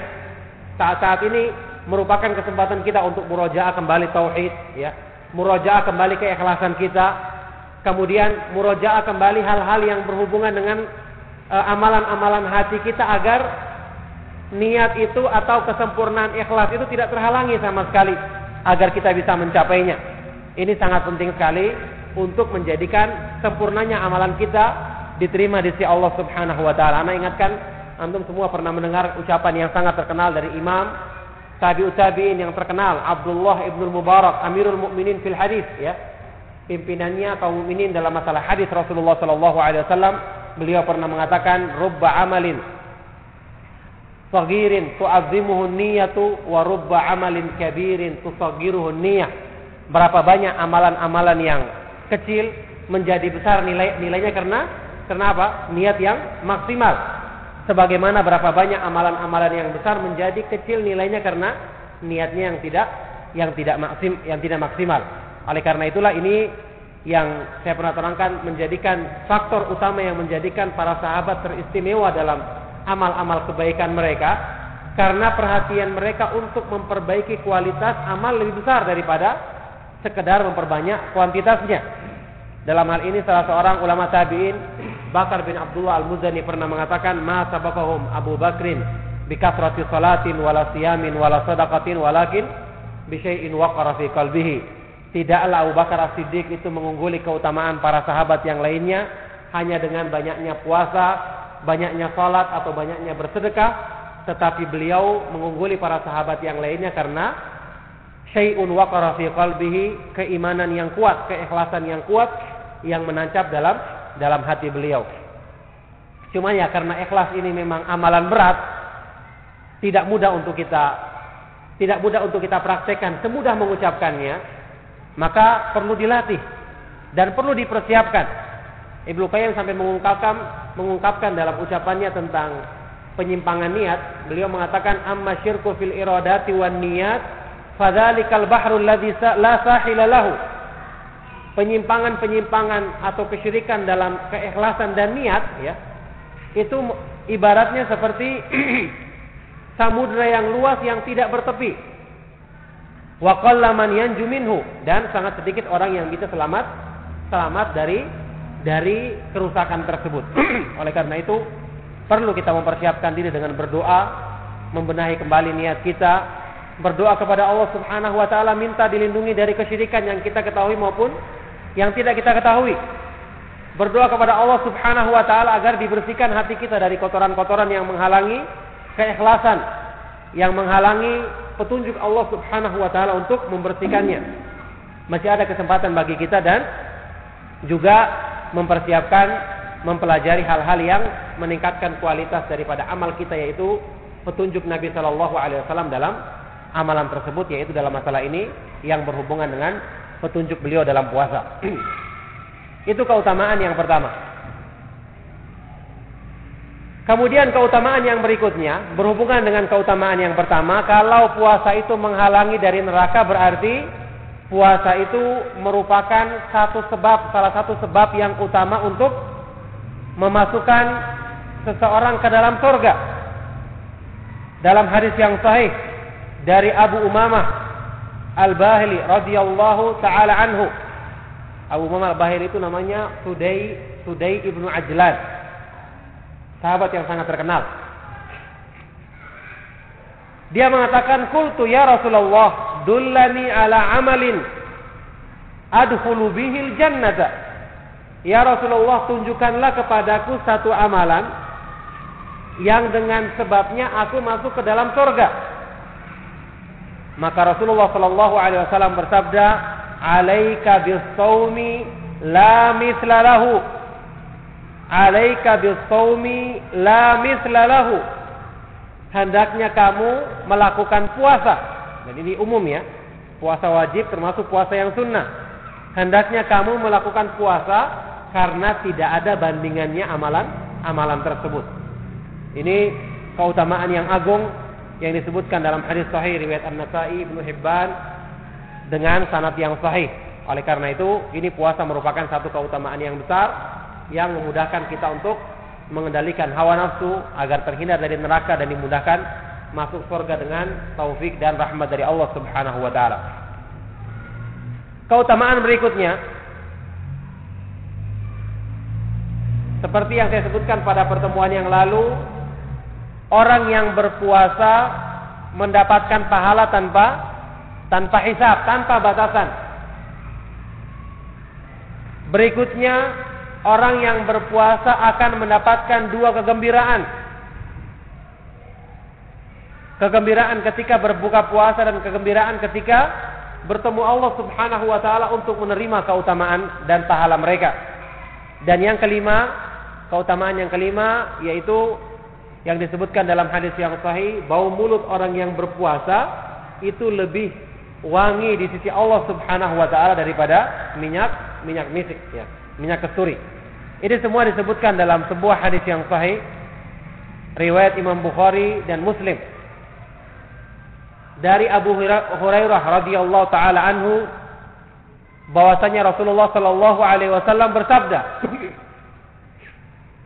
Qala Allah Ta'ala Allah Subhanahu wa taala berfirman hadis kursi ya Kullu amal ibni Adam lahu illa siyam fa innahu li wa ana ajzi bihi.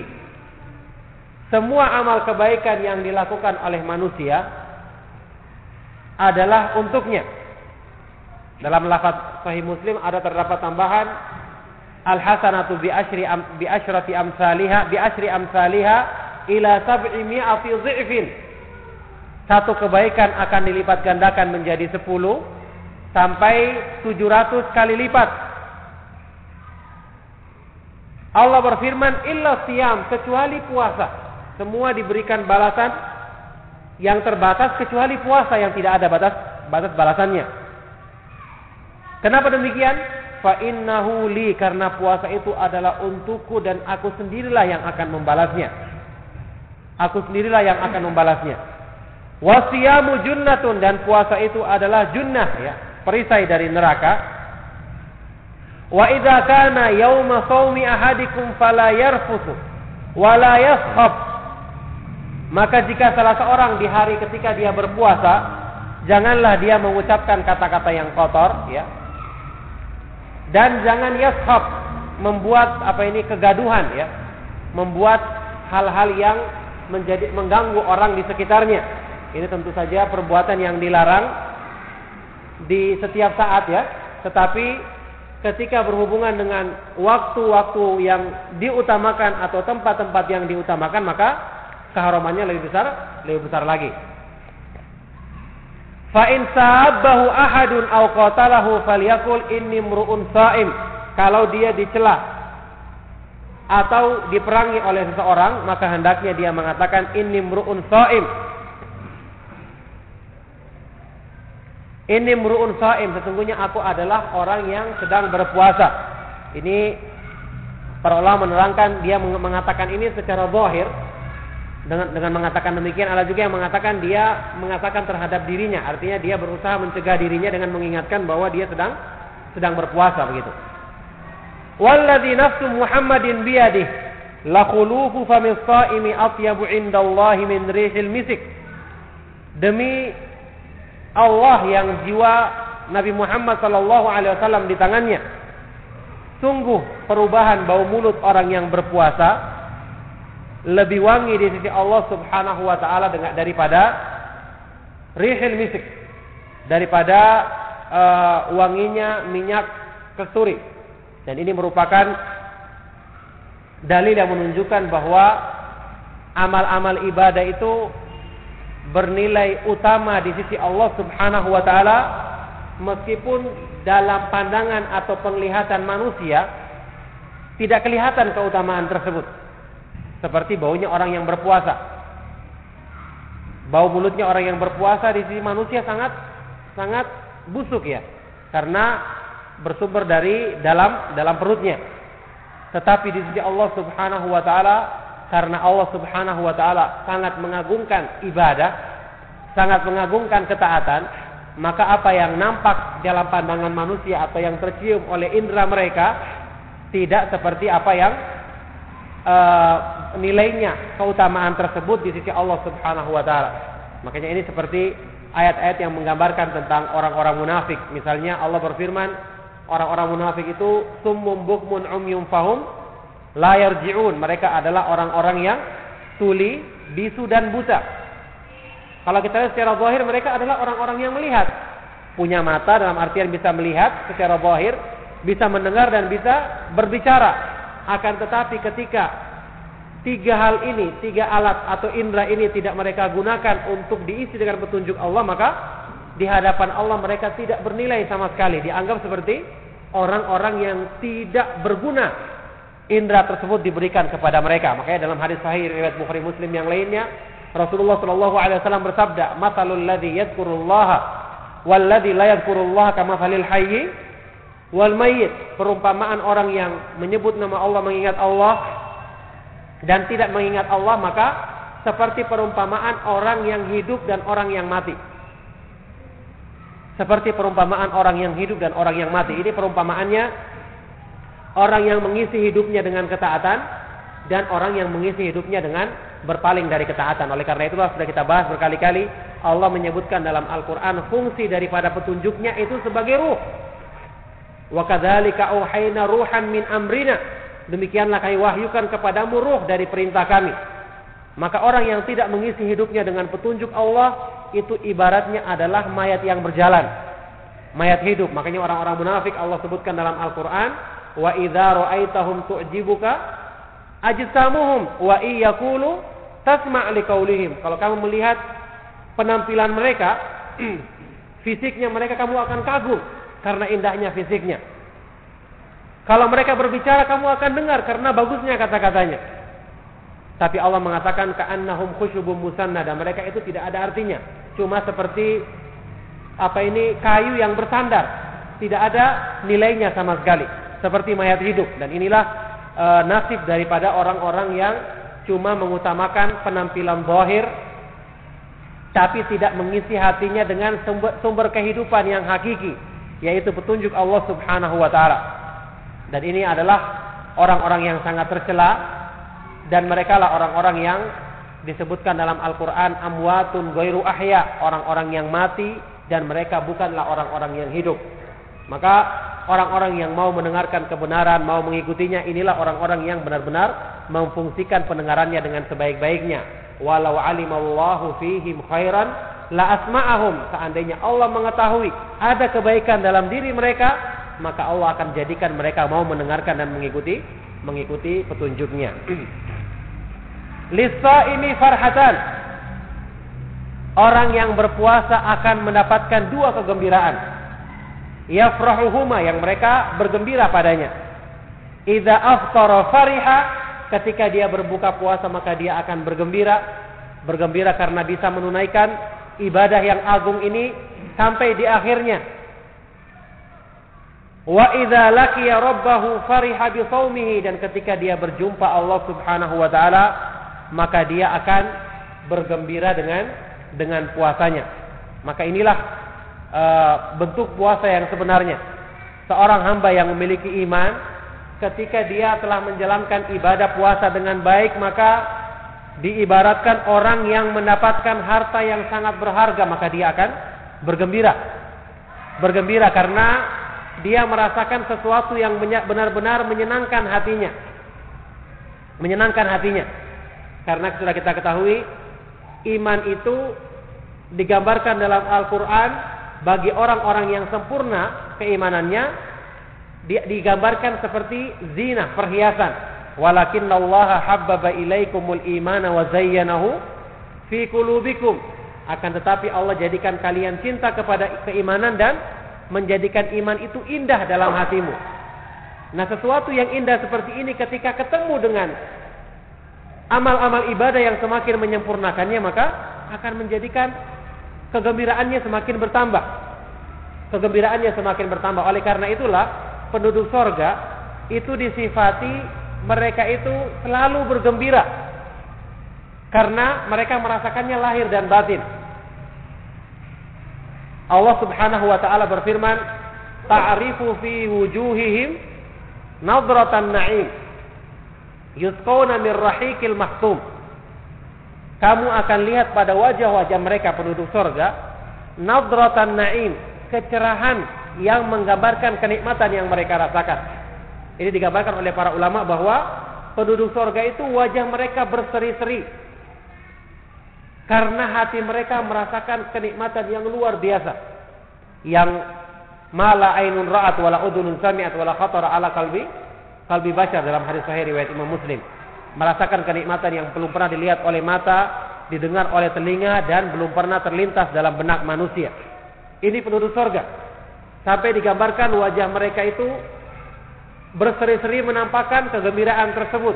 Makanya dalam hadis sahih yang lainnya Rasulullah SAW mengatakan, "Awwalu zumratin tadkhulul jannata ala suratil qamar." Ya. Kelompok pertama yang masuk surga itu rupanya seperti qamar, seperti rembulan, menampakkan keindahan mereka. Dan Allah Subhanahu wa taala menjadikan keindahan tersebut ada pada hamba-hambanya yang bertakwa sewaktu di dunia dan menjalankan perintah Allah Subhanahu wa taala. Di antaranya ini bentuk kegembiraan ketika menjalankan ibadah puasa. Wa idza laqiya rabbahu fariha dan ketika dia berjumpa dengan Allah Subhanahu wa taala, maka dia akan bergembira dengan dengan puasanya. Bergembira ketika mendapatkan balasan kebaikan dari dari puasanya yang dengan itu Allah Subhanahu wa taala akan merahmatinya dan akan memudahkannya masuk ke dalam ke dalam surga. Itu keutamaan yang kelima. Keutamaan yang keenam, As-siyamu wal Qur'anu yashfa'ani li sahibihima. Puasa dan Al-Qur'an, bacaan Al-Qur'an ya, itu memberikan syafaat kepada orang yang mengamalkannya sewaktu di dunia. Subhanallah, ini keutamaan yang besar. Antum tahu semua syafaat itu sangat dibutuhkan ketika pada hari kiamat. Allah Subhanahu wa taala mengizinkan makhluk-makhluknya, beberapa makhluknya untuk memberikan syafaat kepada orang-orang yang berhak mendapatkannya seperti yang saya pernah jelaskan syarat-syaratnya dalam beberapa pengajian. Termasuk yang Allah berikan izin di samping dalam hadis yang saya disebutkan para malaikat, para nabi, kemudian orang tua yang anaknya meninggal sebelum balik, dua atau tiga orang, termasuk juga sebagian dari amal-amalan tertentu. Amal-amal perbuatan yang tentu saja dilaksanakan dengan ikhlas dan sesuai dengan petunjuk Nabi Shallallahu Alaihi Wasallam. Di antaranya adalah puasa dan membaca Al-Quran. Puasa dan membaca Al-Quran. Jika seseorang yang membacanya itu meninggal dalam keadaan bertauhid, insya Allah dia berhak mendapatkan syafaat tersebut. Rasulullah Shallallahu Alaihi Wasallam bersabda dalam sebuah hadis yang sahih, dari Abdullah ibn Amr ibn al-As radhiyallahu taala. Beliau bersabda, "As-siyamu wal Qur'anu yashfa'ani lil 'abdi yaumal qiyamah." Puasa dan bacaan Al-Qur'an, jadi amal ini maksudnya amal perbuatan manusia ya, akan memberi syafaat bagi seorang hamba yang melakukannya pada hari kiamat.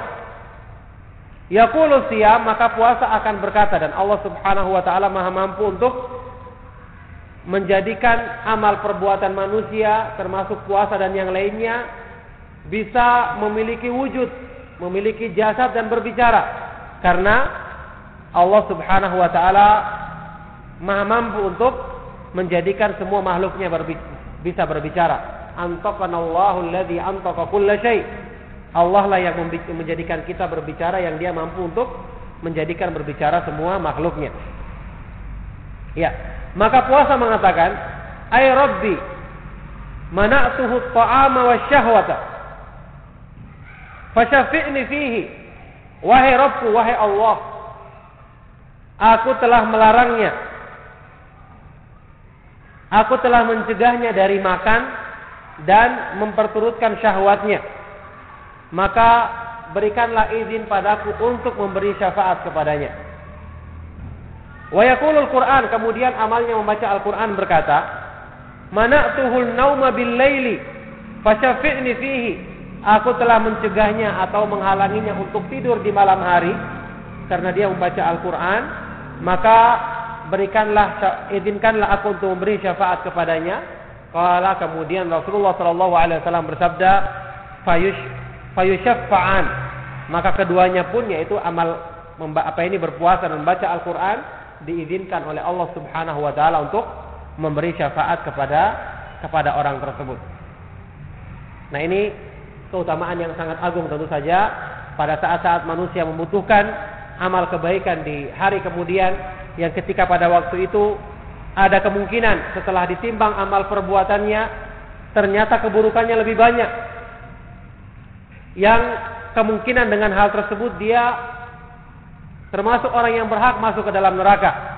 Maka dalam kondisi seperti ini amal-amal seperti syafaat kemudian juga rahmat dari Allah Subhanahu wa taala tentu saja sangat dibutuhkan oleh seorang hamba untuk menyelamatkan dia dari pedihnya azab neraka di antaranya dengan mengamalkan amalan-amalan yang dijamin bisa memberikan syafaat bagi orang-orang yang mengerjakannya dengan baik sewaktu sewaktu di dunia. Ya, keutamaan berikutnya as-siyamu kafarah. Puasa itu adalah kafarah. Dijadikan sebagai penebus ya dari beberapa kesalahan-kesalahan yang disebutkan dalam beberapa ayat Al-Qur'an. Seperti bagi orang yang melakukan pelanggaran ihram ketika melaksanakan ibadah haji atau umroh itu ada puasanya karena ada uzur ya misalnya sakit atau yang lainnya atau ketika orang tidak mampu untuk menyembeli haji ketika melaksanakan ibadah haji tamatu atau ibadah haji kiran. Termasuk juga orang yang membunuh dengan sengaja membatalkan sumpah ya. Bagi yang tidak mampu uh, memberi makan 10 orang miskin atau memberi pakaian. Maka diperintahkan untuk berpuasa tiga hari. Membunuh hewan buruan ketika melakukan ihram haji atau umroh dan beberapa perbuatan-perbuatan yang lainnya yang disyariatkan dalam agama Islam untuk diberi kafarah dengan dengan uh, dengan melakukan puasa ya melakukan puasa jadi ini menunjukkan keutamaan puasa karena Allah Subhanahu wa taala menjadikannya untuk kafarah dalam beberapa perbuatan-perbuatan yang kesalahan yang dilakukan oleh seorang seorang hamba. Ya, demikian pula lebih dipertegas dalam hadis sahih riwayat Bukhari dan Muslim dari Huzaifah ibnu Yaman radhiyallahu taala anhu bahwasanya Rasulullah sallallahu alaihi wasallam bersabda fitnatur rajuli fi ahlihi wa malihi wa jarihi tukafiruha salatu wasiyamu wassadaqah. Ya. Fitnah atau kesalahan ya seseorang terhadap keluarganya atau dalam membelanjakan hartanya atau dalam kurangnya menunaikan hak-hak tetangganya itu bisa dikafarah, ditutupi dengan melaksanakan sholat, puasa dan bersedekah. Ini hadis sahih riwayat Imam Bukhari dan Muslim. Ini pun juga menunjukkan secara khusus ketika apa ini keutamaan tiga amalan tersebut yaitu salat, puasa dan sedekah untuk e, menutupi kekurangan-kekurangan kita terhadap pihak-pihak yang selalu bergaul dengan kita yang wajib kita tunaikan hak-hak mereka yaitu keluarga kita, harta dan juga hak-hak tetangga-tetangga kita. Ini termasuk keutamaan yang ketujuh, kemudian yang terakhir yang kedelapan, keutamaan bagi orang-orang yang berpuasa yang ini sangat ma'ruf yaitu mereka disiapkan di sorga nanti pintu yang khusus ya. Yaitu pintu ar-rayyan pintu ar-rayyan. Ar-rayyan itu secara bahasa dari kata-kata roy. Roy itu artinya uh, apa? Puas orang minum kenyang apa namanya itu? Secara bahasa Indonesia. Orang kalau makan kan kenyang namanya. Kalau minum puas gitu ya. Itu kata-kata roy. Jadi roy itu dari kata-kata itu. Jadi puas waktu meminum. Maka di kata-kata kata-kata royal itu artinya ya uh, pintu bagi orang yang masuk di situ maka dia tidak akan pernah kehausan selama-lamanya sebagai balasan dari puasa yang mereka lakukan di dunia ini namanya al jaza min jinsil amal ya. E, balasan dari jenis perbuatan karena mereka menahan diri dari memperturutkan syahwat sewaktu di dunia maka Allah Subhanahu wa taala berikan balasan yang sesuai dengan perbuatan mereka di akhirat nanti. Keutamaan ini disebutkan dalam hadis sahih riwayat Imam Bukhari dan Muslim dari Sahal ibnu Sa'ad radhiyallahu anhu. Sahal ibnu Sa'ad radhiyallahu taala anhu anin Nabi sallallahu alaihi wasallam qala dari Rasulullah sallallahu alaihi wasallam beliau bersabda inna fil jannati baban yuqalu lahu ar-rayyan sesungguhnya di sorga nanti ada pintu yang dinamakan pintu ar-rayyan. Yadkhulu minhu shaimuna yaumal qiyamah. Yang nanti orang-orang yang berpuasa akan masuk dari pintu tersebut pada hari kiamat. Jadi pintu ini khusus yang dipanggil orang-orang oleh orang bagi orang-orang yang berpuasa. La yadkhulu minhu ahadun ghairuhum. Tidak ada seorang pun yang masuk melalui pintu tersebut kecuali mereka. Fa idza dakhalu uglika uglika kalau mereka sudah masuk maka pintu tersebut ditutup. Falam yadkhul minhu ahadun. Maka tidak ada seorang pun yang masuk darinya selain mereka. Fa idza akhiruhum ughliqa wa man dakhala wa lam yadhma abadan. Maka kalau dia sudah masuk, kalau mereka sudah masuk, orang yang paling terakhir dari mereka sudah masuk, maka ditutup pintu tersebut. Barang siapa yang telah masuk ke dalamnya dia akan meminum dan barang siapa yang telah meminum di dalamnya maka dia tidak akan pernah kehausan lagi selama-lamanya.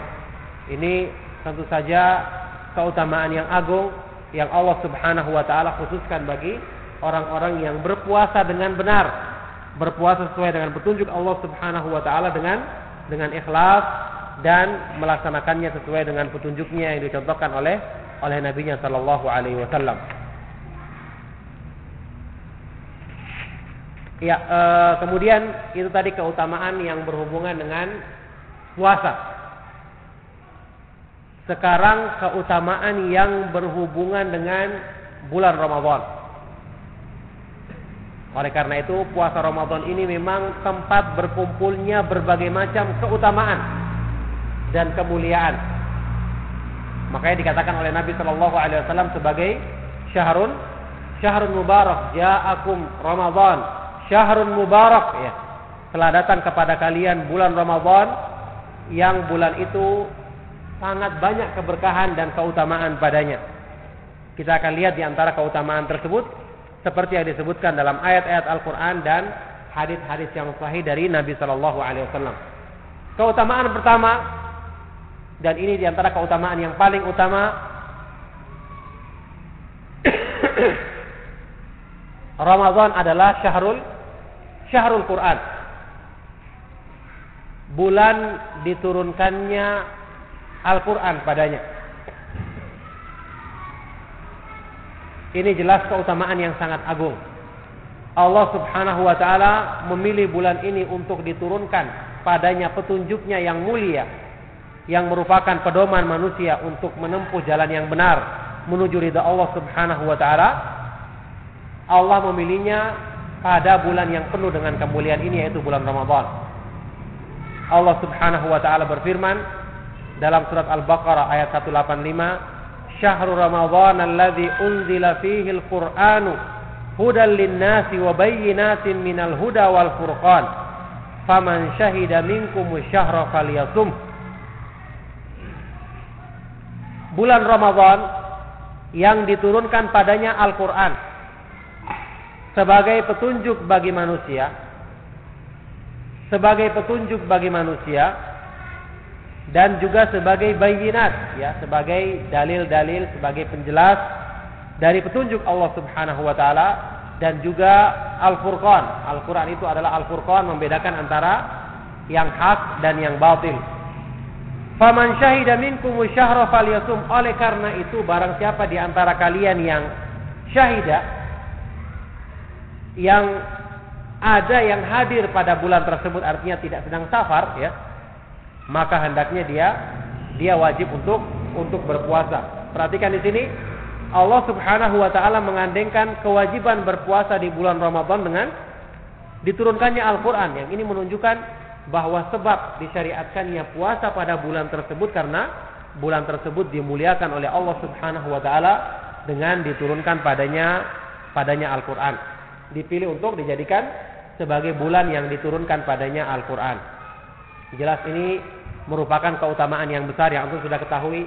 Oleh karena itulah para ulama salaf ya menjadikan bulan Ramadan ini sebagai bulan untuk mudarasah mempelajari Al-Qur'an dan menyebutkan kegiatan-kegiatan yang berhubungan dengan membaca Al-Quran, merenungkan kandungannya, muroja apa-apa yang pernah dihafal untuk dipelajari dan diambil manfaatnya dengan sebaik-baiknya. Meskipun jelas ini pada bulan-bulan yang lain juga diperintahkan, tetapi pada bulan Ramadan para ulama salaf mengkhususkannya sampai sebagian di antara para imam seperti Imam Malik maupun yang lainnya, Imam Malik bin Anas, imam penduduk Madinah ya, itu beliau meliburkan pelajaran-pelajaran hadis ya pelajaran-pelajaran me menyampaikan hadis Nabi Shallallahu Alaihi Wasallam meriwayatkan hadis untuk ketika bulan Ramadan agar bisa konsentrasi untuk banyak membaca Al-Quran dan merenungkan kandungan kandungan artinya.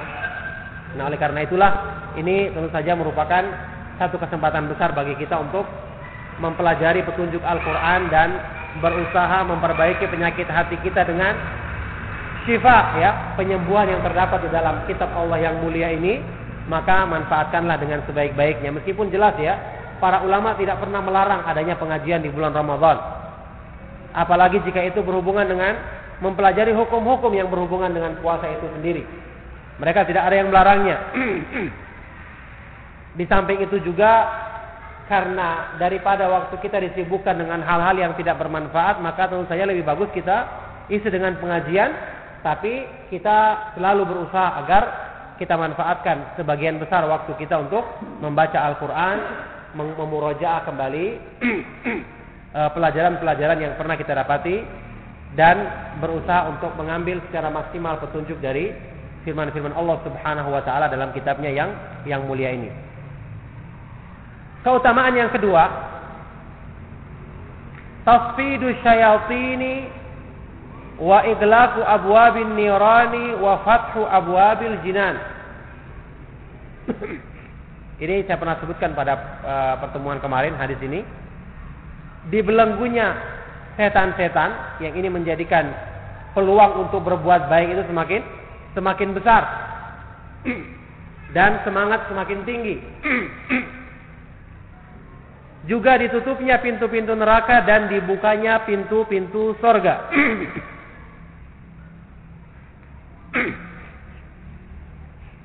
Ini jelas merupakan keutamaan yang besar yang disebutkan dalam hadis yang sahih riwayat Bukhari dan Muslim. Rasulullah sallallahu alaihi wasallam bersabda, "Idza jaa Ramadhanu futihat abwabul jannati wa ughliqat abwabun nirani."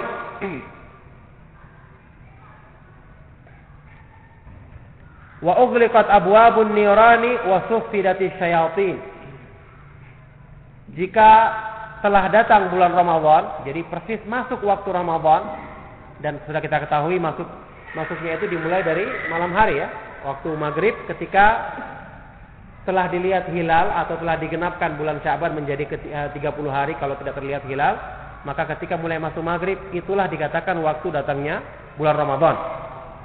Mulai masuknya hari pertama bulan Ramadan dimulai dari matahari terbenam. Kalau telah datang bulan Ramadan maka akan dibuka pintu-pintu sorga dan ditutup pintu-pintu neraka serta dibelenggu setan-setan. Ini maksudnya setan-setan dari kalangan jin ya. Yang ini menunjukkan arti bahwa pada malam pada bulan bulan Ramadan ini kebaikan akan tersebar dan orang-orang yang punya semangat tentu semakin tinggi lagi semangatnya. Maka oleh karena itu jelas ini merupakan musim kebaikan yang sangat agung yang tidak Allah jadikan pada musim-musim yang lainnya. Oleh karena itu kesempatan untuk memperbaiki diri, apa ini menghapuskan dosa-dosa dan mensucikan jiwa kita sangat sangat terbentang di bulan yang agung ini sebagaimana yang saya sebutkan kemarin hikmah yang yang utama dari puasa Ramadan adalah untuk mencapai takwa sebagaimana yang disebutkan dalam firman Allah, "Kutiba alaikumusyamu kama kutiba alal ladzina min qablikum la'allakum la'allakum tattaqun" agar kalian menjadi orang-orang yang bertakwa. ya, dalam hadis lain dalam hadis lain dari Abu Hurairah radhiyallahu taala anhu juga dengan sanad yang sahih disebutkan keutamaannya lebih lengkap lagi. Rasulullah Shallallahu alaihi wasallam bersabda, "Idza kana awwalu lailatin min syahri Ramadan, suffidati syayatinu wa marad wa maradat suffidati syayatinu wa maradatul jinni wa ghulliqat abwabun nari falam yuftah minha babun wa futihat abwabul jannati falam yughlaq minha babun wa yunadi munadin ya bagiyal khairi aqbil wa ya bagiyal syarri aqsir walillahi utaqa'u minan nari wa dzalika kullu lailatin wa dzalika kullu lailatin Rasulullah Shallallahu Alaihi Wasallam bersabda ketika telah datang malam pertama dari bulan Ramadan. Jadi sejak masuknya bulan Ramadan di malam awalnya, maka waktu itulah mulai dibelenggu setan-setan dan jin-jin yang jahat. Ya. Jin-jin yang durhaka. Dan ditutup pintu-pintu neraka maka tidak dibuka satu pintu pun. Dan dibuka pintu-pintu surga tidak ditutup satu pintu pun. Dan pada waktu itu ada malaikat yang menyeru ya bagi al khairi akbil. Wahai orang-orang yang menghendaki kebaikan maka hadapkanlah dirimu. Dan wahai orang-orang yang menghendaki keburukan maka aksir kurangilah keburukan-keburukanmu. Walillahi utaqa minan nar. Ya. Nasallallahu yaj'alana minhum. Dan Allah Subhanahu wa taala memiliki berkenan untuk memilih orang-orang yang disebut dengan utaqa ya orang-orang yang dimerdekakan dari surga orang-orang yang secara perhitungan amalannya dia itu berhak masuk surga tapi dengan keutamaan Ramadan maka di ampuni dosa-dosanya dan dibebaskan dari dari neraka. Jadi setelah perhitungan amalnya dia masuk masuk neraka, tapi karena dosa-dosanya maka karena keutamaannya bulan Ramadan diampuni dosa-dosanya sehingga dia dikatakan sebagai orang-orang yang utaka dibebaskan dari dari neraka oleh Allah Subhanahu wa taala. Wa dzalika lailatin yang itu terjadi setiap malam di bulan Ramadan. Dari awal malam sampai akhir. Oleh karena itu kesempatan untuk termasuk ke dalam golongan ini bagi orang-orang yang lemah iman seperti kita dan kurang amal kebaikannya seperti kita sangat sangat terbentang dan semoga Allah Subhanahu wa taala memudahkan kita untuk mencapai keutamaan tersebut. Kemudian yang ketiga, Lailatul Qadri. Pada bulan Ramadan terdapat malam kemuliaan. Ini juga malam yang penuh dengan kemuliaan yang sekali lagi semua keutamaan-keutamaan yang Allah janjikan dalam ibadahnya tentu saja hanya akan didapatkan oleh manusia yang berusaha mencarinya. Berusaha mencarinya. Jadi jangan terpengaruh dengan cerita-cerita khurafat orang yang tiba-tiba sedang tidur didatangi dengan Lailatul Qadar. Bagaimana mungkin Lailatul Qadar itu kayak makhluk mendatanginya? Ini jelas tidak benar. Orang-orang yang mendapatkannya adalah orang-orang yang muwafak. Bayangkan malam yang demikian besar keutamaannya para ulama salaf dulu mengejarnya dari awal sampai akhir mereka isi dengan ibadah. Dan itulah di antara hikmahnya e, menurut pendapat sebagian besar para ulama termasuk kebanyakan ulama saat ini mereka mengatakan yang rajih tidak ada takyin waktu tertentu kapan malam Lailatul Qadar itu. Tujuannya adalah agar manusia mengejarnya dengan semangat dari awal Ramadan sampai akhir. Meskipun yang paling diharapkan adalah 10 hari terakhir juga dalam hari yang saya sebutkan yaitu hari-hari yang ganjil. Itu yang paling diharapkan.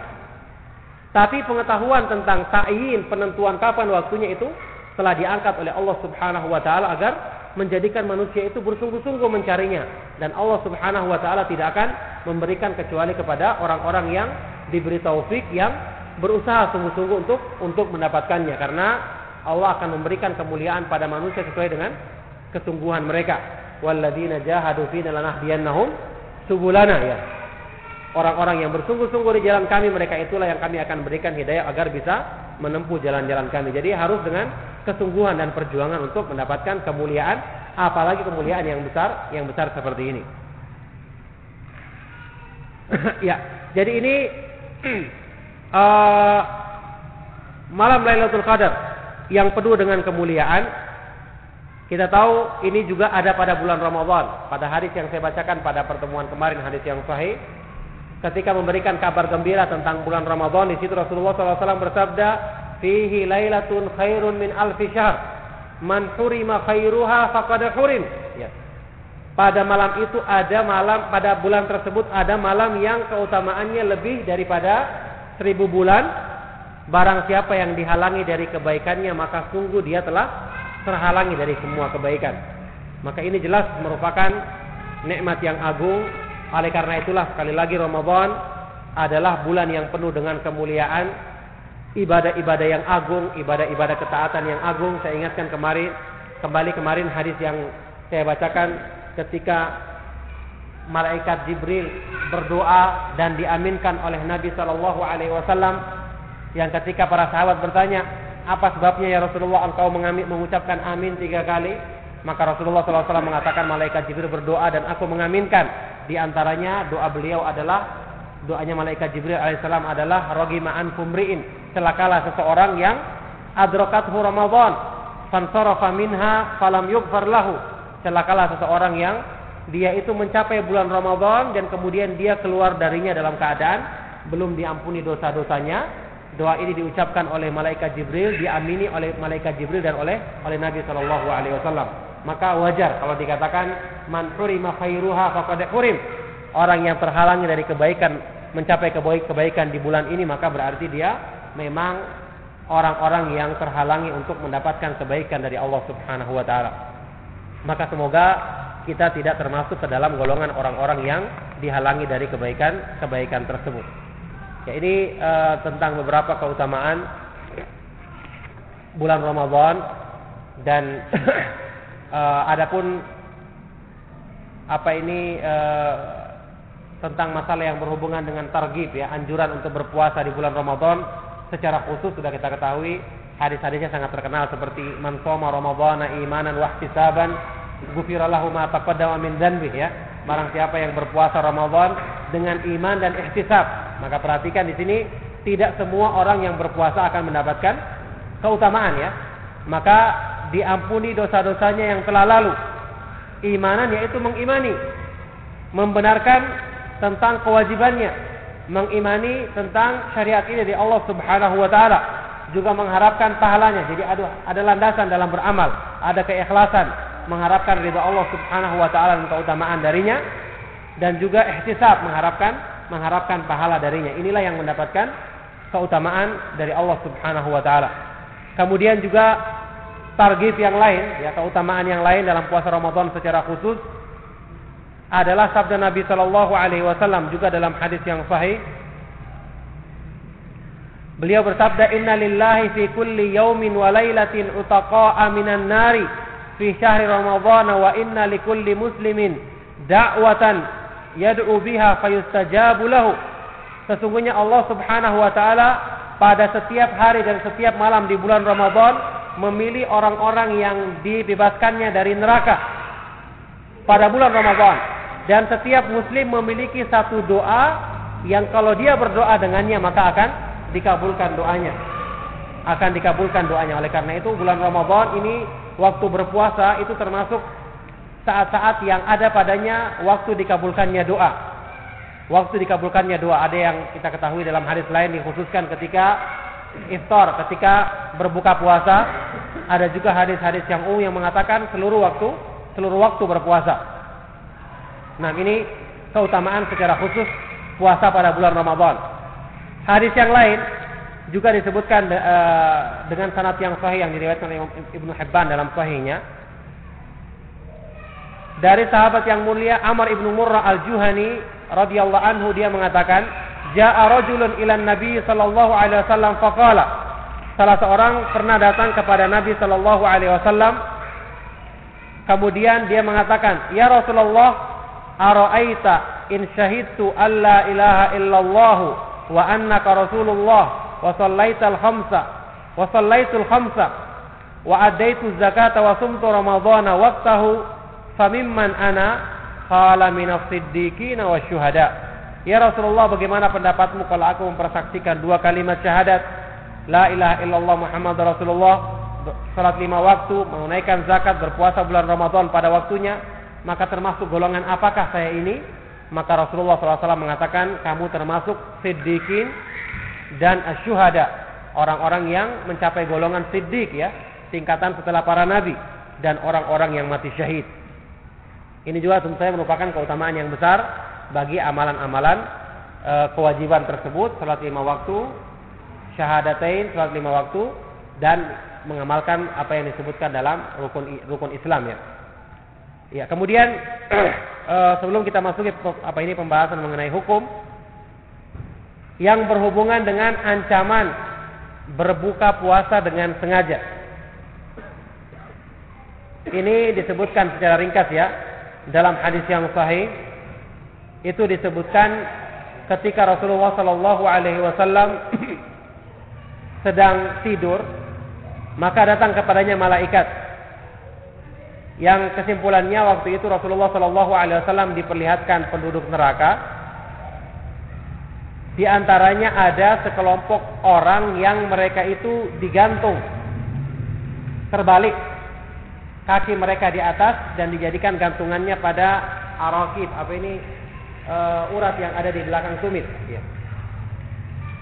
Dalam keadaan apa ini mulut mereka terbelah sambil mengeluarkan darah. Ketika itu Rasulullah SAW bertanya kepada malaikat, "Man haula?" Maka dijawab, "Alladzina yuftiruna qabla tahillata shaumihim." Mereka adalah orang-orang yang berpuasa, apa ini yang berbuka puasa sebelum waktu berbuka. Ini artinya saya dengan sengaja, maka itu adalah ancaman yang sangat besar ya.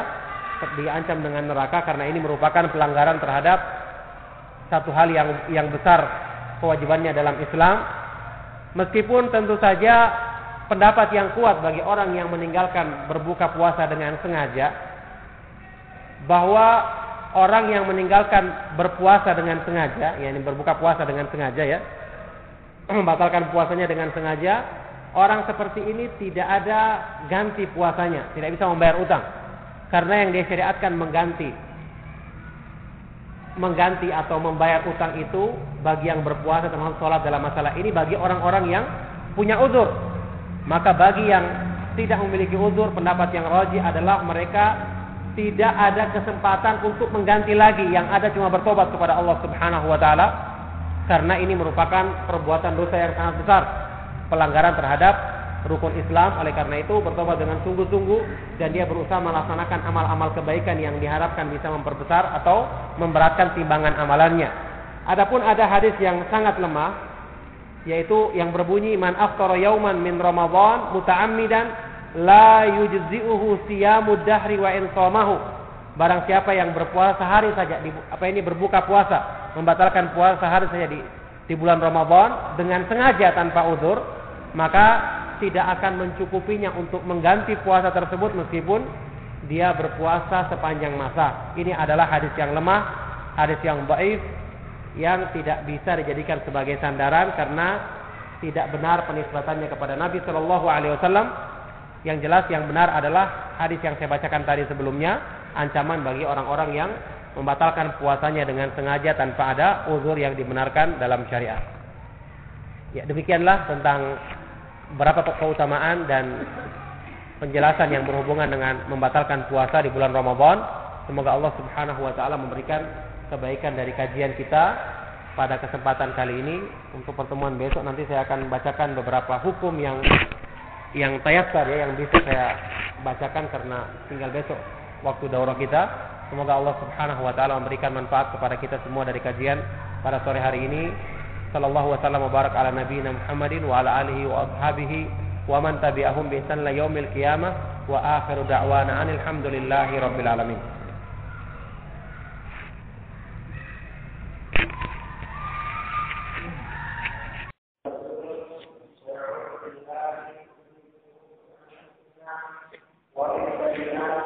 أعمالنا من يهده الله فلا مضل له ومن يضلل فلا هادي له وأشهد أن لا إله إلا الله وحده لا شريك له وأشهد أن محمدا عبده ورسوله صلى الله عليه وعلى آله وأصحابه ومن تبعهم بإحسان إلى يوم القيامة أما بعد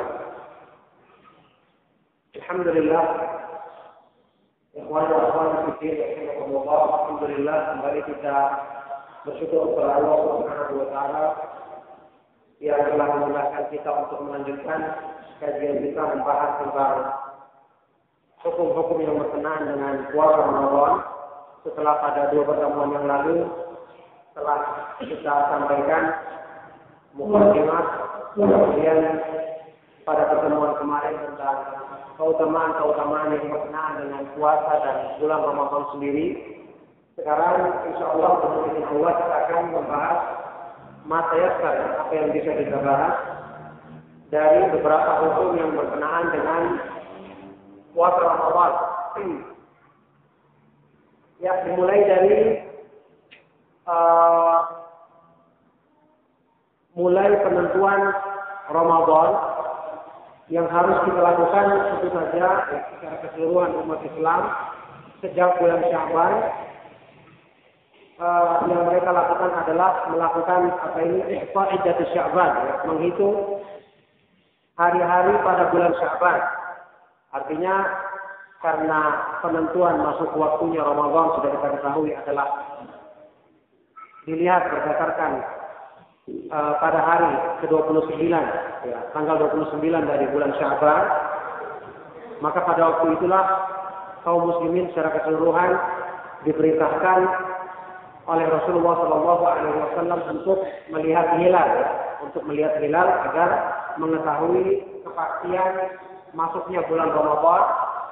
Apakah besoknya kalau mereka melihat hilal dan kalau mereka tidak melihat hilal atau terhalangi oleh awan maka menggenapkan hari pada bulan Syawal menjadi 30 30 hari.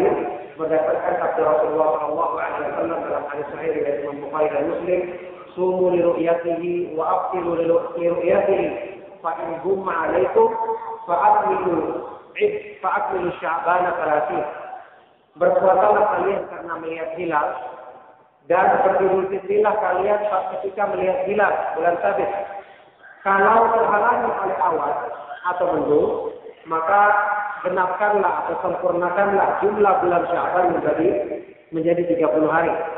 Yang kita ketahui uh, bulan Sya'ban itu tanggal 29 hari Selasa. Hari Selasa benar tanggal 29 hari Selasa, maka hari Selasa sore hari itulah waktu dilihat hilal. Alhamdulillah karena ini adalah masalah yang berhubungan dengan kemaslahatan seluruh kaum muslimin dan pemerintah kita telah memiliki tim ru'yah ya, tim ru'yah, tim yang khusus untuk melihat hilal, maka Allah Subhanahu wa taala mudahkan bagi kita untuk mencukupkan dengan apa yang ditetapkan oleh pemerintah. Meskipun kalau ada yang ingin juga melihatnya di antara kita ya silakan. Apa yang dilihatnya nanti disampaikan kepada pihak pemerintah dalam hal ini Departemen Agama. Maka itu diperbolehkan yang jelas keputusan penentuan masalah hilal, masalah Ramadan, masuknya Ramadan, Idul Fitri itu adalah masalah-masalah yang menyangkut kemaslahatan keseluruhan kaum muslimin karena ibadah puasa dan Idul Fitri itu adalah ibadah yang dilaksanakan secara berjamaah maka kita tunggu pengumuman dan keputusan dari pemerintah yang telah memutus atau yang nanti akan memutus tim untuk melihat hilal.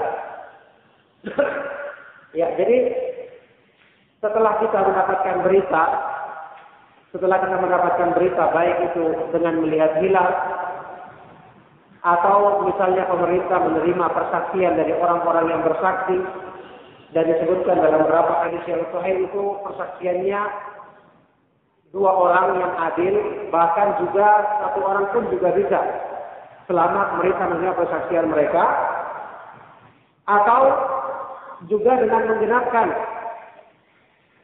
dengan menggenapkan bulan Sya'ban menjadi 30 hari, maka pada waktu itulah kita telah yakin mengetahui masuknya masuknya bulan Ramadan dan di sini kita ketahui larangan dari Nabi Shallallahu Alaihi Wasallam tentang perbuatan yang dilakukan oleh sebagian kaum muslimin karena kejahilan yaitu mereka mendahului puasa sebelum masuknya bulan Ramadan dengan alasan untuk berhati-hati ini tidak diperbolehkan. Tidak diperbolehkan kecuali bagi orang yang terbiasa berpuasa sunnah yang kebetulan itu bertemu dengan hari puasanya. Misalnya orang yang terbiasa puasa hari Senin, Kamis, hari Kamis. Kebetulan sebelum Ramadan bertepatan dengan kebiasaannya. Maka ini tidak mengapa karena niatnya adalah untuk kebiasaannya dalam ibadah tersebut. Bukan karena berhati-hati. Adapun orang-orang yang berhati-hati dengan alasan hati-hati mendahului Ramadan maka ini dilarang.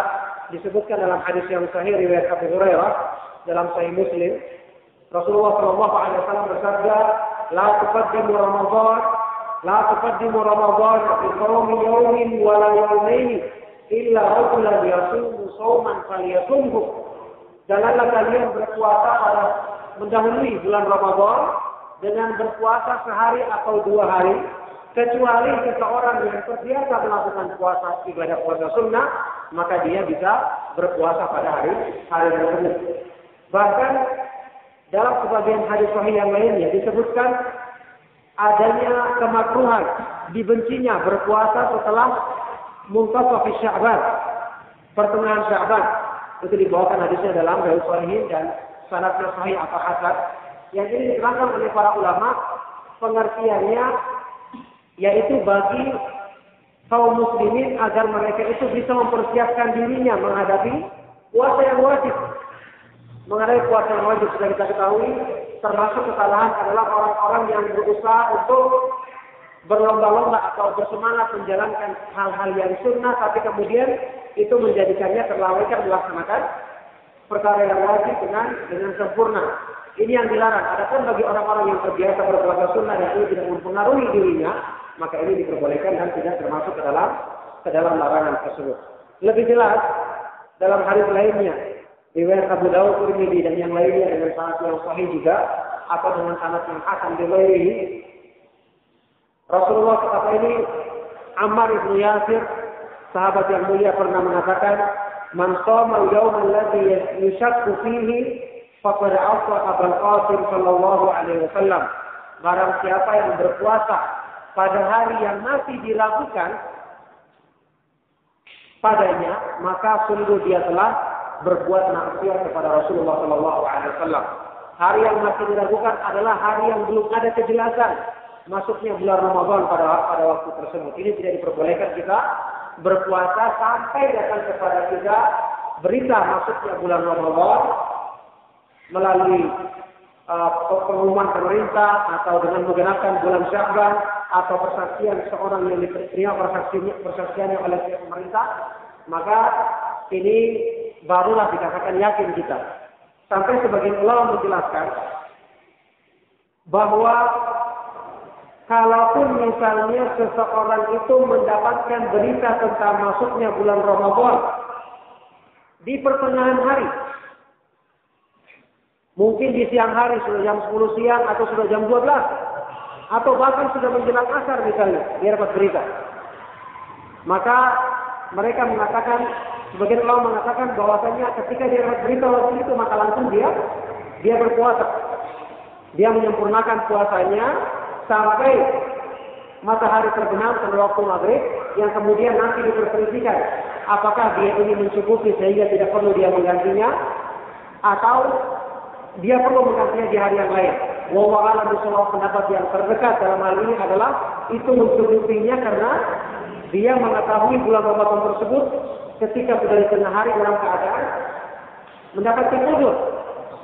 Mendapatkan udur ini bagaimana yang disebutkan oleh uh, Nabi Shallallahu Alaihi Wasallam sehubungan dengan puasa Ashura dalam hadis yang sahih. Di situ Nabi Shallallahu Alaihi Wasallam memerintahkan para sahabat yang pada waktu itu sudah makan atau belum makan diperintahkan untuk yutimu atau yaumihim menyempurnakan puasa pada sisa hari mereka dan mereka tidak diperintahkan untuk mengkodoknya atau menggantinya. Maka ini termasuk hal yang e, diperhitungkan dalam masalah ini. Oleh karena itulah benar-benar harus sudah yakin sampai kepada kita berita masuknya bulan Ramadan, baru kita melaksanakannya agar kita tidak terjerumus dalam kebimbangan yang disebutkan dalam dalam hadis yang ini. Kemudian yang berhubungan dengan puasa Ramadan, yang paling penting ketika masuk bulan Ramadan, jangan lupa kita berniat. Berniat. Kita berniat mulai dari awal masuknya Ramadan dan niat itu dilakukan sebelum terbitnya fajar.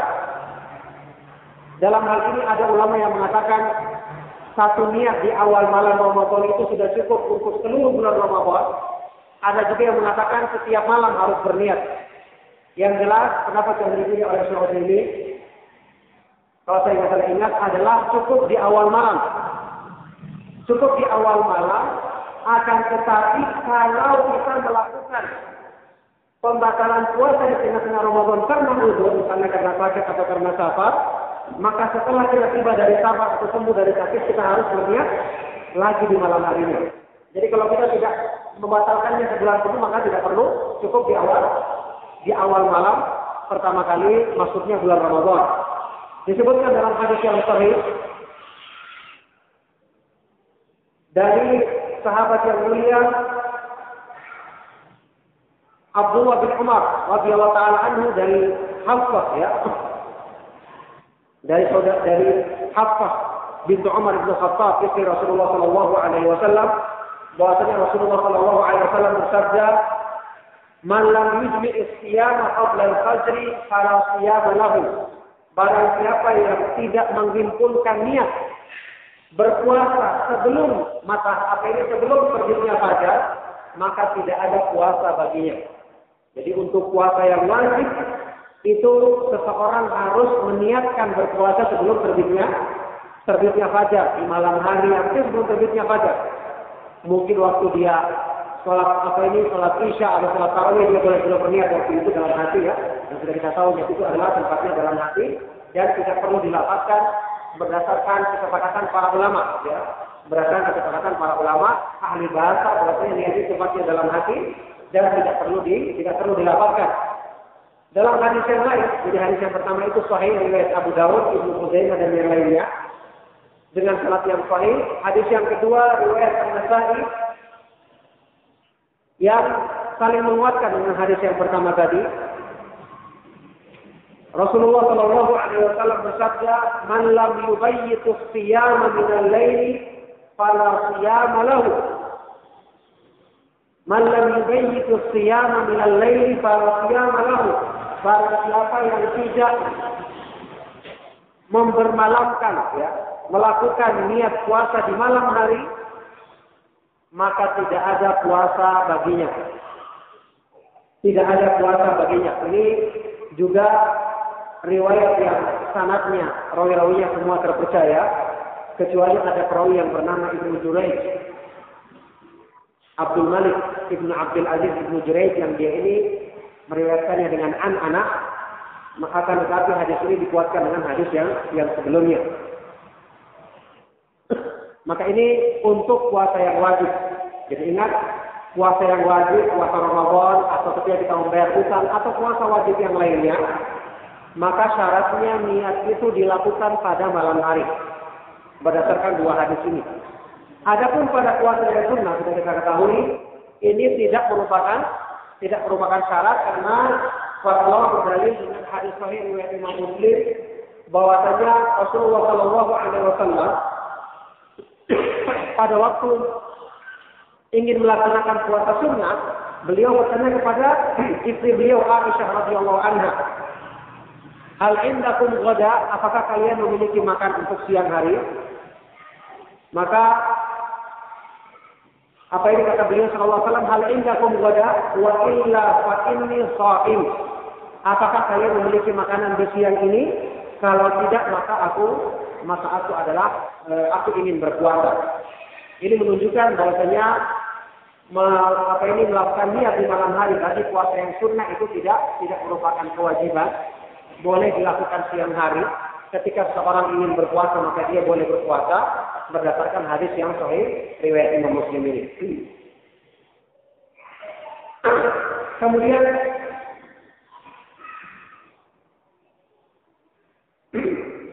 yang berhubungan dengan setelah itu uh, waktu saum.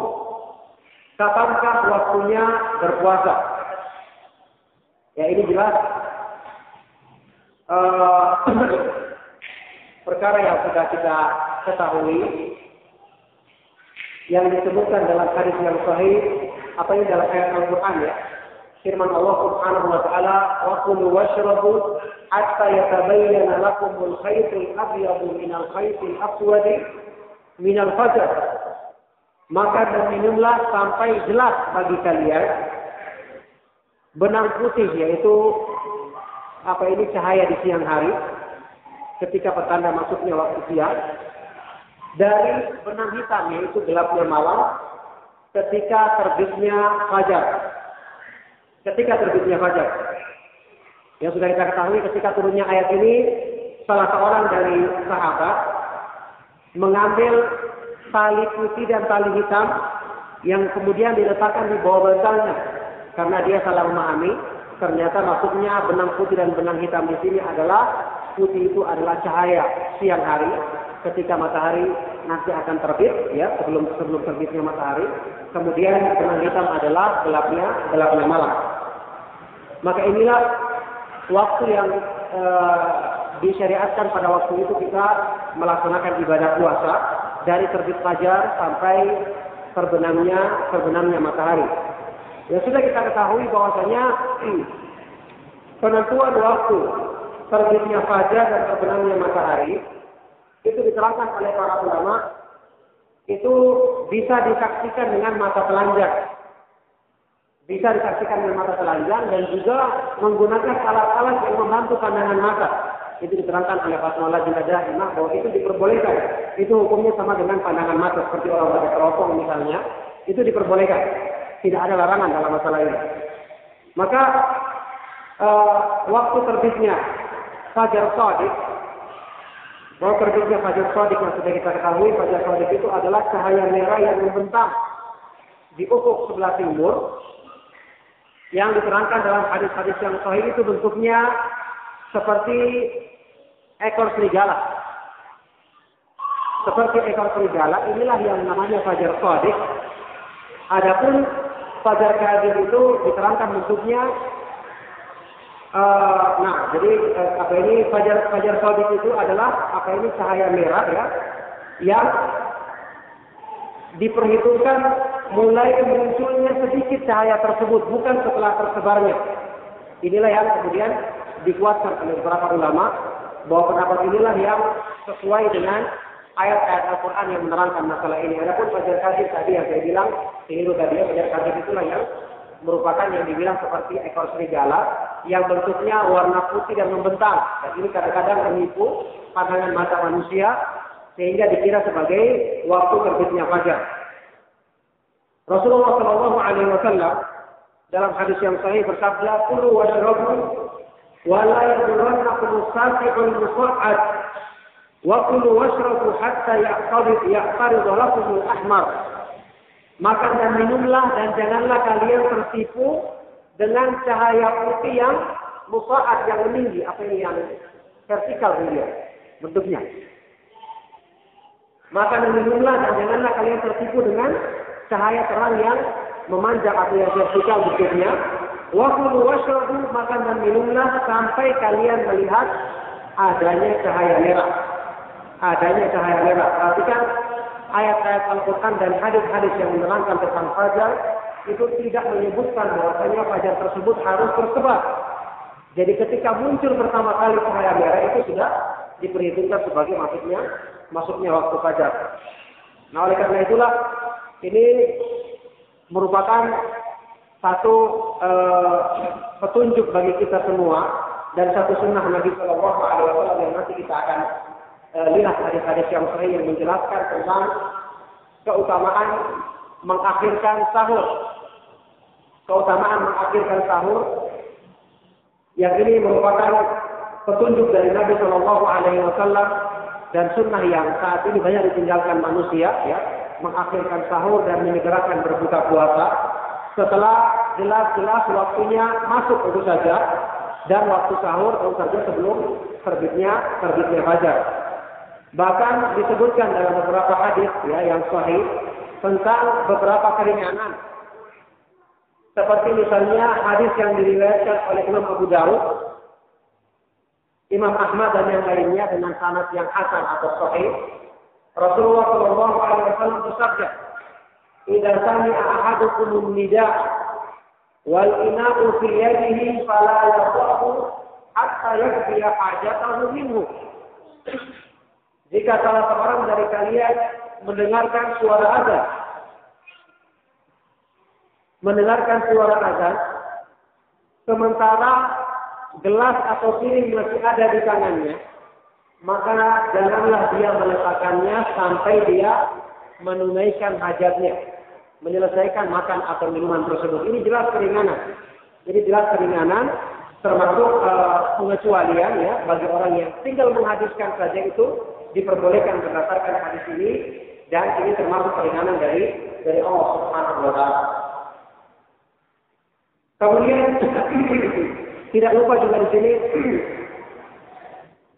uh, pengertian daripada summa yutimmu siyama ilal setelah tadi terbitnya fajar sudah kita ketahui secara ringkas kemudian dia menyempurnakan puasa sampai malam hari. Pengertian malam hari diterangkan oleh Nabi Shallallahu Alaihi Wasallam dalam hadis riwayat Bukhari Muslim, "Idza aqbala al-lail min hahuna wa adbara an-nahar min wa adbara an-nahar min wa gharabat asy-syamsu faqad aftara as-sha'im." Kalau malam itu telah datang dari sini dan siang telah pergi dari arah sini dan matahari telah terbenam, maka itulah waktunya berbuka puasa bagi bagi orang yang berpuasa. Di sini Nabi Shallallahu Alaihi Wasallam menjelaskan bahwasanya yang menjadi ukuran untuk berbuka puasa adalah ketika terbenamnya matahari. Terbenamnya matahari artinya hilangnya lingkaran matahari di ufuk sebelah barat. Jadi kalau setelah terbenam di ufuk sebelah barat dengan tanda hilangnya atau ini kursus yang lingkaran matahari, maka itulah waktu berbuka puasa. Itulah waktu berbuka puasa. Jadi barang siapa yang mungkin tinggal di daerah di daerah yang arah baratnya tidak terhalang gunung atau tidak terhalang bangunan, maka dia bisa menyaksikannya langsung dan bisa berbuka sesuai dengan apa yang dilihatnya. Tetapi kalau dia tidak bisa melihatnya dan tidak ada orang yang menginformasikan kepadanya, maka dia mengikuti apa yang telah ditetapkan oleh pemerintah, telah diterapkan dalam masyarakat kita, Kalaupun dia melakukan sesuatu yang diketahuinya dari berita atau dilihatnya sendiri, maka janganlah dia menyebarkan atau memperlihatkan supaya nanti tidak membuat fitnah bagi bagi masyarakat yang belum mengetahui sunnah Nabi Shallallahu Alaihi Wasallam ini. Ya. Kemudian eh, saya ikat ya, yang berhubungan dengan sahur ini juga saya perlu jelaskan karena besar keutamaannya dan untuk mengingatkan kita masalah sahur. Sahur ini disebutkan dalam banyak eh, hadis-hadis yang sahih tentang keutamaannya, bahkan diperintahkan oleh Nabi Shallallahu Alaihi Wasallam dengan perintah yang keras sekali. Dalam hadis yang sahih yang diriwayatkan oleh Imam Muslim, Rasulullah Shallallahu Alaihi Wasallam bersabda, "Faslu ma baina siyamina wa siyami ahli kitab akhlaqus sahab." Perbedaan antara puasa kita dengan puasanya ahli kita adalah dengan adanya makan sahur. Dengan adanya makan sahur. Ini berhubungan dengan masalah membedakan Islam dengan syariat yang lainnya. Ini merupakan penekanan yang kuat. Penekanan yang kuat. Bahkan disebutkan dalam hadis-hadis sahih yang lainnya tentang perintah yang ini menunjukkan sahur itu adalah perkara yang dianjurkan dengan sangat. Dan ini merupakan pendapat jumhur ulama, pendapat jumhur ulama apa ini yang yang mereka itu menguatkan dengan hadis-hadis yang di sini terdapat perintah Nabi Shallallahu Alaihi Wasallam yang menekankan tentang sahur dan uh, anjuran untuk melakukannya. Keutamaan sahur disebutkan dalam hadis-hadis yang sahih Pertama, sahur itu adalah makanan yang diberkahi. Dari Salman Al Farisi radhiyallahu taala anhu Rasulullah Shallallahu Alaihi Wasallam bersabda, al barakatu fi salasatin, al jama'atu was saridu was sahur. Barakah itu terdapat dalam tiga hal. Pertama dalam jamaah, dalam makanan sari, makanan sari itu roti yang direbuskan dimasukkan dalam kuah ya, dan pada sahur. Juga hadis lain dari Abu Hurairah radhiyallahu taala anhu Rasulullah sallallahu alaihi wasallam bersabda, "Inna Allah ja'ala al-barakata fi sahuri wal khair." Sesungguhnya Allah Subhanahu wa taala menjadikan keberkahan pada makan sahur dan pada takaran ya, takaran dengan kain. Ini jelas menunjukkan keberkahan pada sahur. Jelas keberkahan yang pertama adalah karena itu merupakan takdir terhadap sunnah Nabi Shallallahu Alaihi Wasallam. Kemudian juga hikmahnya sahur jelas itu akan menjadikan seseorang itu kuat untuk berpuasa sehingga dia melaksanakan ibadah yang agung ini dengan dengan nasyid ya dengan penuh semangat. Saya sudah pernah berkali-kali bahwasanya di antara syarat amal itu sempurna ya sempurna diterima oleh Allah Subhanahu wa taala adalah al-akhdhu bil quwwah melaksanakannya dengan dengan semangat, dengan kekuatan ya, bukan dengan malas-malasan. Dan ini jelas terlihat sekali apa ini hikmah daripada syahur untuk untuk apa ini menjadikan seorang itu semangat dalam melaksanakan ibadah puasa yang satu ini. Oh, tamaan berikutnya, Inna Allah wa malaikatahu yusalluna ala mutasakhirin. Allah dan para malaikat bersalawat mendoakan kebaikan bagi orang-orang yang melakukan sahur.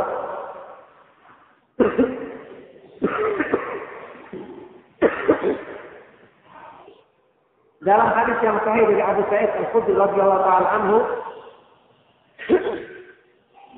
Rasulullah Shallallahu alaihi wasallam bersabda, "As-sahuru aklatun aklatun aklatu barakatin. Walau an yajda an yajra'a ahadukum jur'atan min ma' Fa inna Allah wa malaikatahu yusalluna 'alal mutasahhirin. Sahur itu adalah makanan yang diberkahi. Maka janganlah kalian meninggalkannya meskipun cuma dengan meneguk seteguk air, meminum seteguk air. Karena sesungguhnya Allah dan para malaikatnya senantiasa menyampaikan salawat bagi orang-orang yang melakukan sahur. Orang-orang yang makan makan sahur kita sudah ketahui bahwasanya salawat dari Allah pengertiannya adalah pujiannya di hadapan para malaikatnya terhadap orang tersebut dan juga rahmat dan pengampunan darinya. Adapun salawat dari para malaikat adalah doa kebaikan, doa permintaan ampun dari para malaikat bagi orang-orang yang melakukannya. Ini jelas merupakan keutamaan yang agung yang Allah Subhanahu wa taala jadikan bagi orang-orang yang menerapkan sunnah Nabi Shallallahu alaihi wasallam dalam masalah ini. Kemudian hal yang berhubungan dengan sahur, seutama-utama yang dimakan pada waktu sahur adalah asamar, korma ya, korma yang kering. Korma yang terbiasa kita lihat itu yang paling utama. Dalam hadis sahih riwayat Abu Dawud, Rasulullah Shallallahu Alaihi Wasallam bersabda, "Nikmat sahuril mukmini asamru." Sebaik-baik makan sahur orang yang beriman adalah asamar, atamar maka e, korma maka ini tidak ada salahnya. Kalau seseorang menyiapkan dirinya saat ini untuk membeli korma untuk persiapan sahur nantinya. Karena kita akan baca juga bahwa korma ini termasuk yang diutamakan juga ketika berbuka ketika berbuka puasa. Adapun bagi orang yang tidak apa ini mampu atau tidak mendapatkan kamar atau korma, itu Rasulullah Shallallahu Alaihi Wasallam menyebutkan dalam hadis yang tadi tasaharu walau bijur atim bijur atima bersahurlah meskipun dengan seteguk seteguk air. Jadi ini perintah untuk penekanan tentang anjuran untuk bersahur meskipun dengan dengan seteguk air juga menunjukkan kepada kita bahwa termasuk yang dianjurkan waktu bersahur adalah meminum meminum air air putih. Nah, nah Kemudian yang berhubungan dengan sahur juga anjuran untuk mengakhirkannya. anjuran untuk mengakhirkannya yaitu seperti yang disebutkan dalam hadis yang sahih mengakhirkan sahur itu sampai sekitar bacaan 50 ayat dari Al-Quran. Jadi tidak sampai benar-benar terlalu dekat dengan fajar, tapi ada jarak sedikit sekitar bacaan sekitar bacaan 50 ayat daripada Al-Quran seperti yang disebutkan dalam hadis yang sahih dari Zaid bin Sa'id radhiyallahu taala anhu beliau mengatakan tasaharna ma'an Nabi sallallahu alaihi wasallam thumma qama ila salati kami pernah bersahur bersama Nabi Shallallahu Alaihi Wasallam kemudian kami berdiri melaksanakan sholat subuh. Kultu perawinya bertanya, kam kana bainal adzani was sahur? Kapankah atau berapakah jaraknya waktu antara azan dan sahur yang kalian lakukan bersama Nabi Shallallahu Alaihi Wasallam? Qala qadra khamsina ayat. Sekitar bacaan 50 50 ayat daripada Al-Qur'an. Dan ini termasuk kebiasaannya orang Arab ya. Kebiasaannya orang Arab mereka itu mereka itu menentukan waktu dengan dengan satu perbuatan agar lebih mudah untuk dipahami. Sekaligus ini mengisyaratkan bahwasanya kebiasaannya para sahabat dulunya mereka itu ketika selesai sahur dalam rangka menunggu datangnya waktu sholat subuh, mereka membaca membaca Al-Quran dan merenungkan merenungkan kandungan maknanya sehingga mereka menyebutkan takdir waktu tadi dengan apa yang terbiasa mereka mereka lakukan. Nah, jadi demikian uh, sahur ya, jadi disebutkan dalam hadis-hadis yang sahih maka hukumnya sahur ini adalah merupakan perkara yang sangat dianjurkan ya, perkara yang sangat dianjurkan. Oleh karena itu hendaknya kita berusaha untuk menghidupkan sunnah yang agung ini agar kita mendapatkan keberkahan keberkahan dan pahala yang sempurna dari dari puasa kita.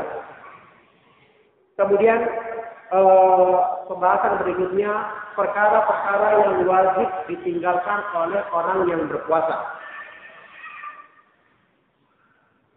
Seperti pada penjelasan yang saya terangkan pada pertemuan dua hari yang lalu, bahwa puasa itu bukanlah cuma sekedar menahan lapar dan haus, tapi puasa itu adalah upaya untuk menjalankan perintah Allah Subhanahu wa taala lahir dan batin. Yang tentu saja sering diterangkan hikmahnya adalah untuk mencapai takwa seperti yang Allah sebutkan dalam firman-Nya ya ayyuhalladzina amanu kutiba alaikumus shiyam kama kutiba alal ladzina min qablikum la'allakum tattaqun. Agar kalian mencapai takwa oleh karena itu tidak dibenarkan orang yang hanya berpuasa dengan menahan lapar dan dahaga tapi kemudian dia tidak meninggalkan perkara-perkara yang dilarang oleh Allah Subhanahu wa taala di luar Ramadan terlebih-lebih lagi dalam dalam bulan Ramadan. Hadis-hadis yang sahih dalam masalah ini sudah kita ketahui. Sabda Nabi Shallallahu Alaihi Wasallam misalnya dalam hadis riwayat Imam Bukhari, "Man lam yada' qaula dzuri wal amal bihi, falaysa lillahi azza wa jalla hajatun fi ayyada ta'amahu wa syarabahu." Barang siapa yang tidak meninggalkan ucapan dusta dan melakukan perbuatan yang buruk, maka Allah tidak butuh perbuatannya meninggalkan makan dan minum. Ini seperti yang saya terangkan kemarin hikmahnya, Ibnu Rajab menerangkan dalam kitabnya Lafaiful Ma'arif tentang kaidah bahwa Allah Subhanahu wa taala inna taqarrub ila Allah azza wa jalla bi tarkil mubahat la yatimmu hat illa ba'da taqarrub ilaihi bi bitarkil muharramat. Meninggalkan atau mendekatkan diri kepada Allah dengan meninggalkan perkara-perkara yang mubah asalnya ya makan dan minuman asalnya mubah. Maka dalam bulan Ramadan kita diperintahkan untuk melakukannya. Kata beliau ini tidak akan sempurna diterima kalau kita tidak meninggalkan perkara-perkara yang diharamkan secara asal. Sampai beliau mengatakan orang yang bersemangat untuk sekedar berpuasa dengan meninggalkan makan dan minum, tetapi tidak meninggalkan hal-hal yang diharamkan, ini perumpamaannya seperti orang yang disibukkan dengan melaksanakan perkara-perkara yang sunnah, padahal dia belum menjalankan hal-hal yang diwajibkan baginya, maka ini jelas sudah tidak diterima. Oleh karena itulah, kita kembali kepada penjelasan yang saya sudah terangkan panjang lebar pada pertemuan awal, bahwa puasa itu fungsi utamanya atau hikmah yang paling agung darinya adalah untuk mencapai takwa. yang takwa itu hakikatnya adalah tasfiyatul nufus, pensucian jiwa, pembersihan hati. Oleh karena itu, justru lah pada kesempatan berpuasa itu kita dianjurkan sebanyak-banyaknya untuk menghindarkan hal-hal yang merusak jiwa manusia, mengotori hati manusia, dan banyak bertobat kepada Allah Subhanahu wa taala. Apalagi sudah kita tahu kemarin keutamaannya puasa yang disebutkan dalam hadis yang sahih as-siyam atau as-saumu junnatun yastajinnu bil abdu minan nar. Puasa itu adalah perisai junnah ya tameng yang menghalangi seseorang hamba dari dari api neraka. Kemudian selanjutnya hal-hal yang diperbolehkan untuk dilakukan oleh orang yang berpuasa.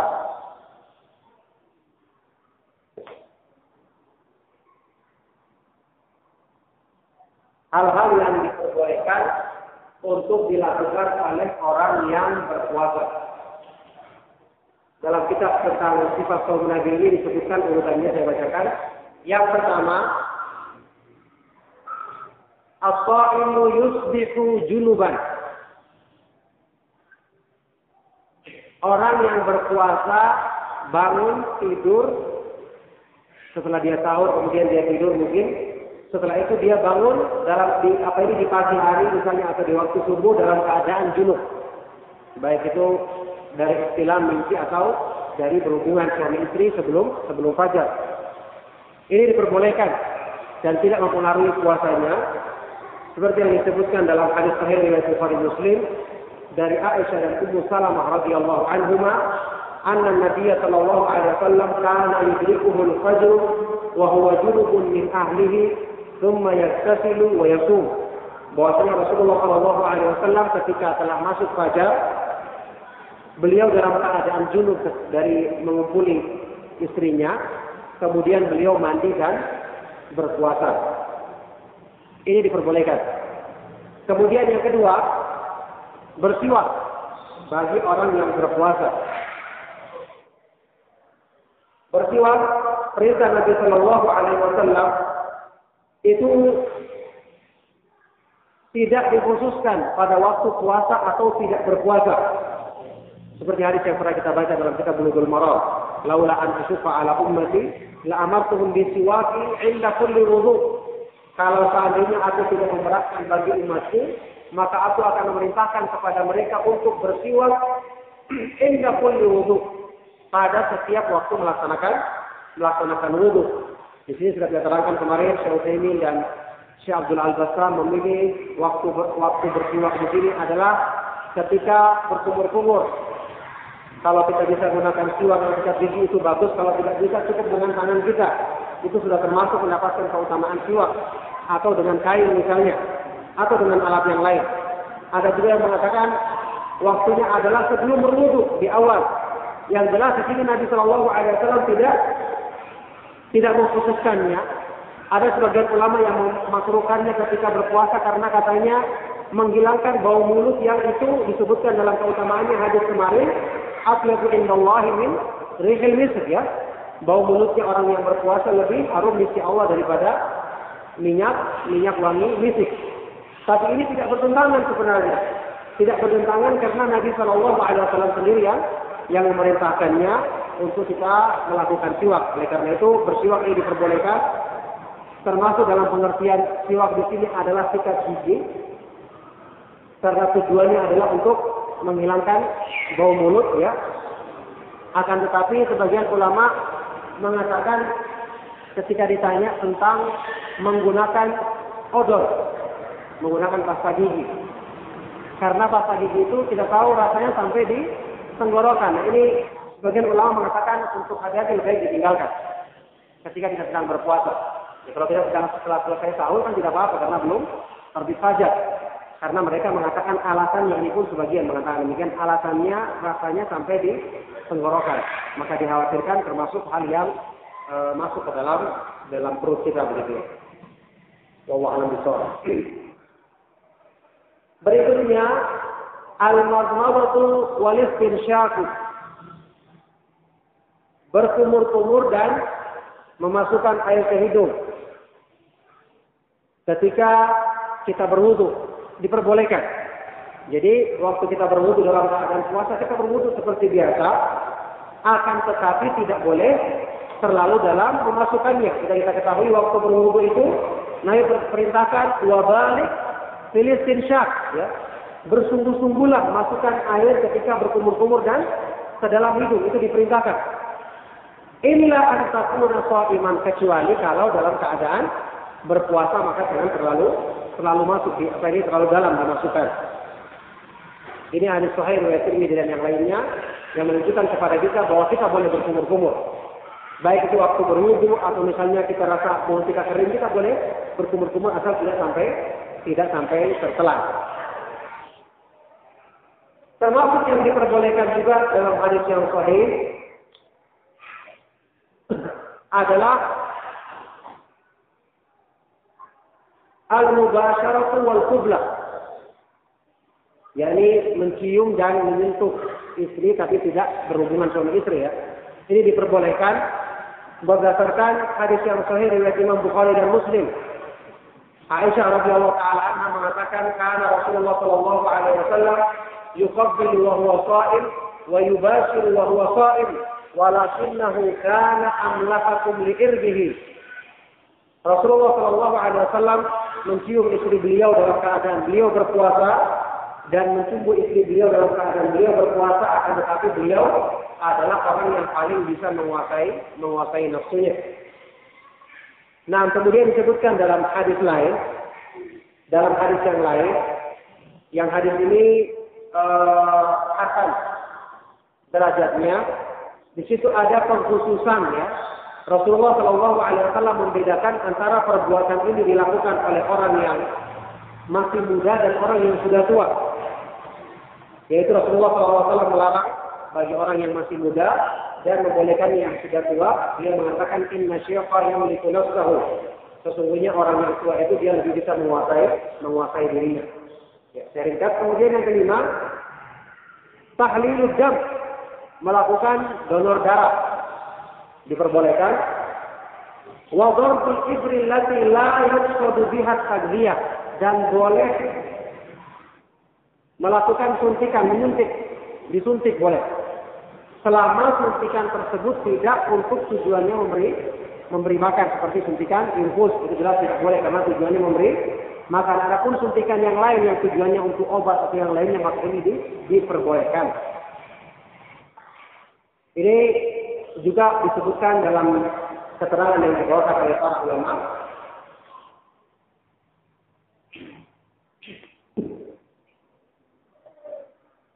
Ya karena alasannya puasanya ini tidak merupakan pembatal puasa karena tidak memasuk menjadikan uh, apa ini obat tersebut masuk ke dalam perut dan juga tidak ditujukan untuk sebagai pemberi makan.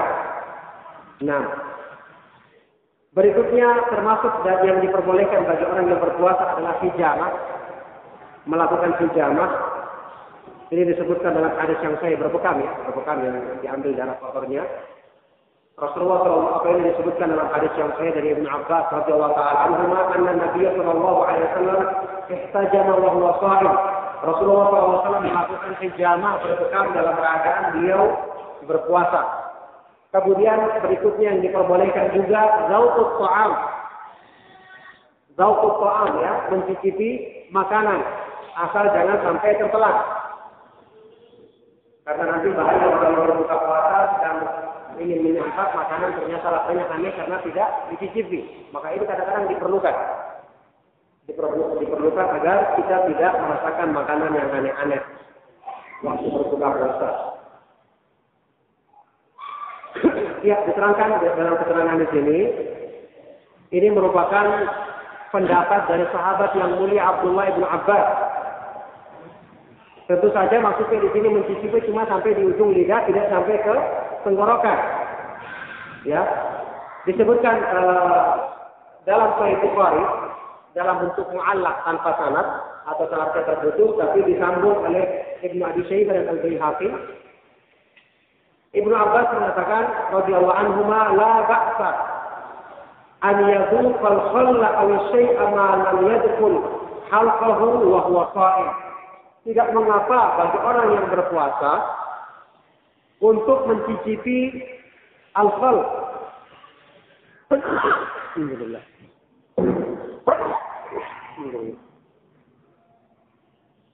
Alhamdulillah.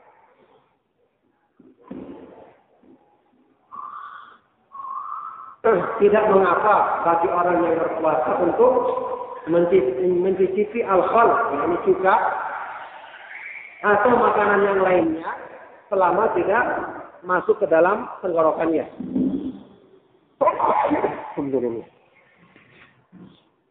Nah, selama tidak masuk ke dalam tenggorokannya, wa huwa dalam keadaan dia dia berpuasa ini adalah ucapannya sahabat yang mulia Ibn Abbas dan tidak diketahui ada sahabat lain yang memiliki beliau.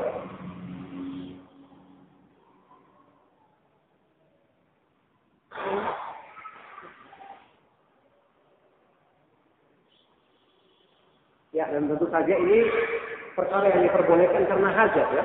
Karena hajat manusia untuk mencicipi makanan, apalagi yang e, memasak untuk berbuka puasa ini dibutuhkan, maka syariat yang agung memberikan keringanan hal tersebut karena ini memang merupakan kebutuhan manusia.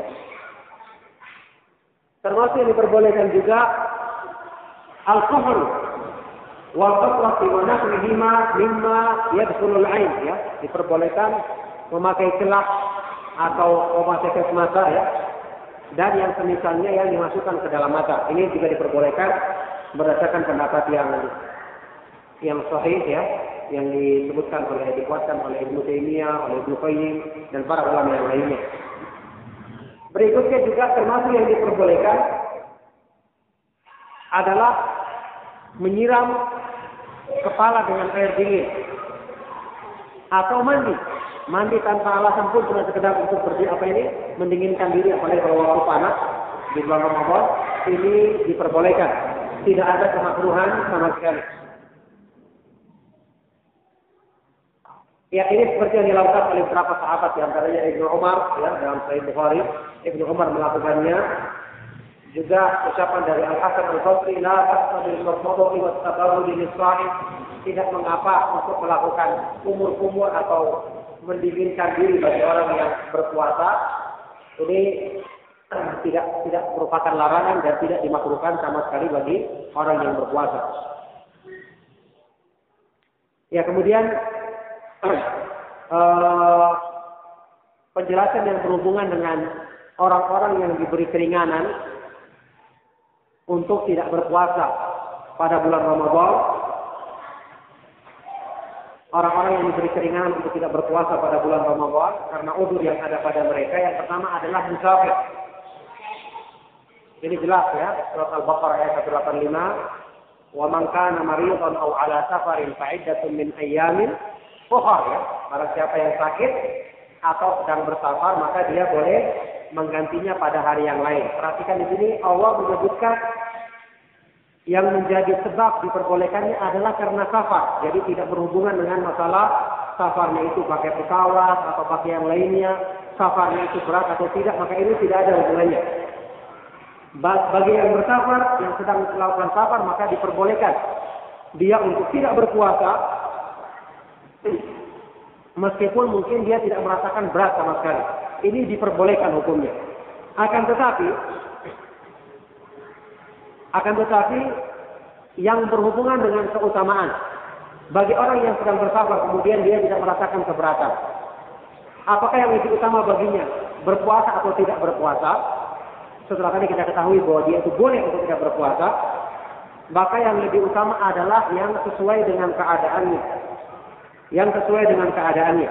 Disebutkan dalam beberapa hadis yang sahih, di antaranya hadis riwayat Imam Bukhari Muslim, Salah seorang sahabat yang mulia bertanya kepada Rasulullah SAW, A'asumu fis safar?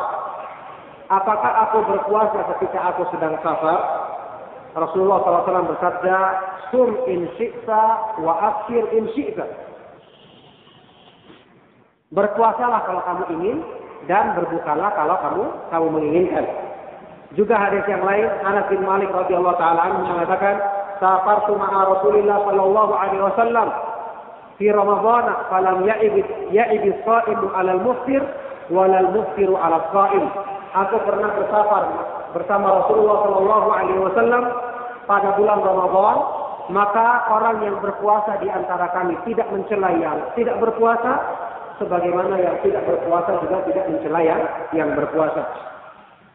Jadi ini menunjukkan kebolehannya, menunjukkan kebolehannya dan tentu saja bagi orang yang uh, merasa berat ketika dia safar untuk melaksanakan ibadah puasa, maka lebih utama baginya untuk untuk meninggalkan atau tidak berpuasa dan melakukan rukhsah keringanan dari Allah Subhanahu wa taala pada waktu itu. Inilah makna sabda Nabi Shallallahu alaihi wasallam dalam hadis Bukhari Muslim, "Laisa minal birri as-siyamu fi safar" ya. Tidaklah termasuk kebaikan berpuasa pada pada waktu safar. Dan juga keumuman sabda Nabi Shallallahu alaihi wasallam, "Inna Allah yuhibbu an tu'tar rukhasuhu kama yakrahu an tu'ta maksiyatuhu." Allah itu senang kalau kita melakukan keringanan-keringanan yang diberikannya, sebagaimana dia membenci kalau kita melakukan perbuatan maksiat kepadanya. Tapi bagi yang dia itu mudah dan dia khawatirkan kalau seandainya dia berbuka pada waktu itu, sehingga dia harus mengganti pada hari yang lain, yang baginya berat karena berpuasa sama kaum muslimin secara bersama-sama lebih ringan dibandingkan berpuasa sendiri. Orang yang seperti ini kalau dikhawatirkan nanti dia berat, nanti juga banyak kesibukan yang menghalanginya, sementara tidak ada keberatan baginya untuk berpuasa pada waktu safar, maka ini dianjurkan baginya untuk lebih utama melaksanakan puasa dalam keadaan safar yang seperti seperti ini. Kemudian orang yang sakit, orang yang sakit jelas ya, ini juga diperbolehkan. Tentu saja pengertian sakit di sini adalah sakit yang jika dia berpuasa akan membahayakan dirinya atau menambah penyakitnya. Jadi membahayakan dirinya, menambah penyakitnya dengan puasa atau dengan berpuasa itu akan menjadikan tertunda kesembuhannya. Itu diperbolehkan. Jadi pertama, kalau puasa itu membahayakan, ini jelas diberi uzur dia. Yang kedua, puasa itu menambah penyakitnya. Ini juga diberi udur. Dan yang ketiga, kalau puasa itu menjadikan tertunda kesembuhannya, ini juga diberi diberi udur. Jadi inilah kriterianya puasa yang diperbolehkan. Apa ini? Sakit yang dengannya diberi udur seseorang untuk tidak berpuasa, tapi dia mengganti di hari di hari yang lain. Ya sekarang al-haid wal nufasa al-haid wa nufasa, wanita yang sedang haid dan nifas, ini juga berdasarkan ijma kesepakatan para ulama bahwa mereka tidak boleh melaksanakan puasa dan tidak sah jika mereka lakukan dan mereka wajib untuk menggantinya di hari di hari yang lain ketika mereka telah suci. Kemudian berikutnya Asy-Syekhul Kabir Al-Fani wal Mar'atul Ajuz kakek-kakek dan nenek-nenek yang sudah sangat tua, yang tidak mampu lagi untuk berpuasa. Ini jelas termasuk orang-orang yang disebutkan dalam firman Allah wa 'alal ladzina yutiqunahu fidyatun ta'amu miskin. Dan bagi orang-orang yang tidak mampu untuk melakukannya, maka dia membayar fidyah ya dengan memberi makan orang miskin. Memberi makan orang miskin dengan memberikan bahan makanan berupa beras yaitu apa ini nisfu sok setengah sok ya setengahnya zakat fitr atau memberi makan yang sudah jadi kepada orang miskin seperti diterangkan oleh Ibnu Abbas ya wa huwa syekhul kabirul ladzi la yastati'u siyama fa yuftir wa yut'imu an kulli yawmin miskinan nisfa min hamqah yaitu dia ini adalah orang tua renta yang tidak mampu berpuasa maka dia boleh berbuka dan menggantinya dengan memberi makan. Setiap hari dia meninggalkan puasa bagi seorang miskin yaitu sekedar atau dengan ukuran nisfu sok setengah sok dari gandum. Ya dari gandum. Setengah sok itu ya setengahnya kalau zakat fitur itu satu sok kalau ya, apa ini kalau namanya fidyah itu setengahnya berarti ya kurang lebih sekitar berapa uh, kalau zakat itu tiga kilo ya berarti satu, setengah gitu itu juga dengan hati-hatinya ya. Nah ini uh, termasuk yang diberi keringanan. Setelah itu al-hamil wal. Al-hamil wal murdi ini termasuk yang diperselisihkan seperti yang saya terangkan pada pertemuan kemarin. Orang wanita yang hamil dan menyusui. Wanita yang sedang hamil dan menyusui ini perkaranya panjang. Apakah dia digolongkan sebagai orang yang sakit sehingga ketika dia mengkhawatirkan dirinya dengan berpuasa atau mengkhawatirkan anak yang dikandungnya, dia kemudian berbuka puasa dan menggantinya di hari yang lain, atau dia ini termasuk digolongkan seperti orang tua renta yang cukup dengan membayar fidyah saja. Ini terjadi perselisihan di kalangan para ulama dan saya ringkas saja uh, pendapat para ulama dalam masalah ini ada yang mengatakan mereka itu seperti orang sakit, dia meninggalkan puasa, kemudian menggantinya di hari yang lain.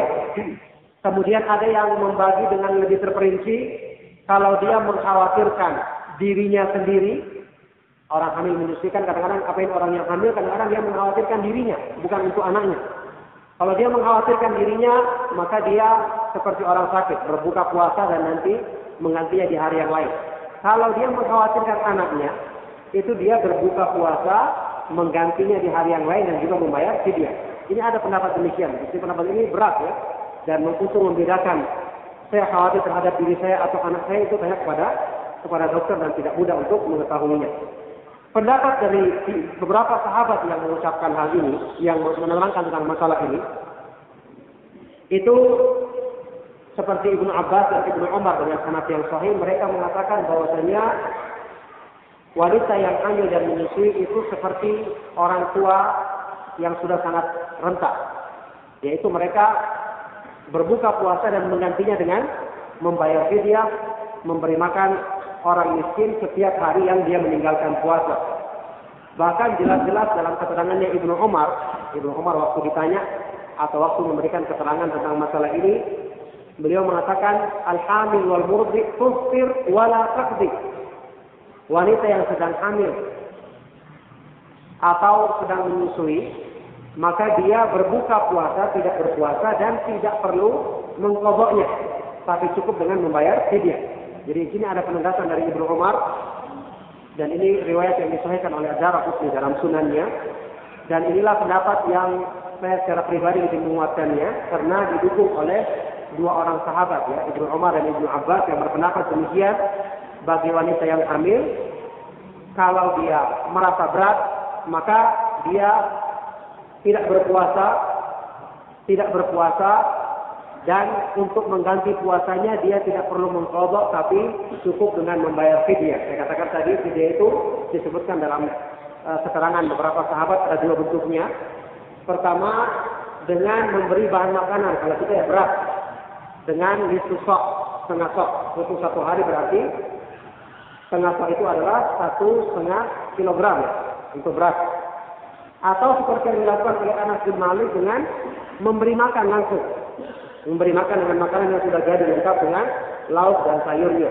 Jadi bisa kita menggabungkan misalnya kalau dia tidak berpuasa selama satu bulan ya gabung misalnya langsung 30 orang miskin dikumpulkan dikasih makan sampai kenyang dengan makanan yang yang layak yang biasa dimakan oleh seseorang di rumahnya begitu. Wallah bisa ini adalah pendapat yang lebih kuat. Ya kita ringkas karena e, pembahasan yang berhubungan dengan e, berbuka puasa. Berbuka puasa, ya sudah kita bahas tadi waktunya sampai matahari terbenam yaitu dengan tenggelamnya lingkaran matahari. Kemudian anjuran untuk mensegerakan menyegerakan puasa Rasulullah Shallallahu Alaihi Wasallam bersabda dalam hadis riwayat Bukhari Muslim, "La yazalu nasu bi khairin ma'ajjalu al-fitr." Senantiasa manusia itu dalam kebaikan selama mereka menyegerakan berbuka puasa. Tentu saja maksudnya menyegerakan di sini ya pas pas waktunya masuk gitu ya. Oleh karena itu keliru kalau sampai dibuat jadwal yang sengaja mengakhirkan azan. Ini tidak dibenarkan. Tidak dibenarkan. Sengaja mengakhirkan azan dan alasan puasa tidak, tidak dibenarkan. Kalau sudah waktunya terbenam matahari maka langsung dikumandangkan azan agar kaum muslimin bisa bersegera berbuka puasa. Termasuk yang jadi muadzin jangan makan dulu. Minum saja secukupnya baru melakukan azan agar saudara-saudaranya juga bisa menjalankan keutamaan keutamaan tersebut. Kalau tidak kuat ya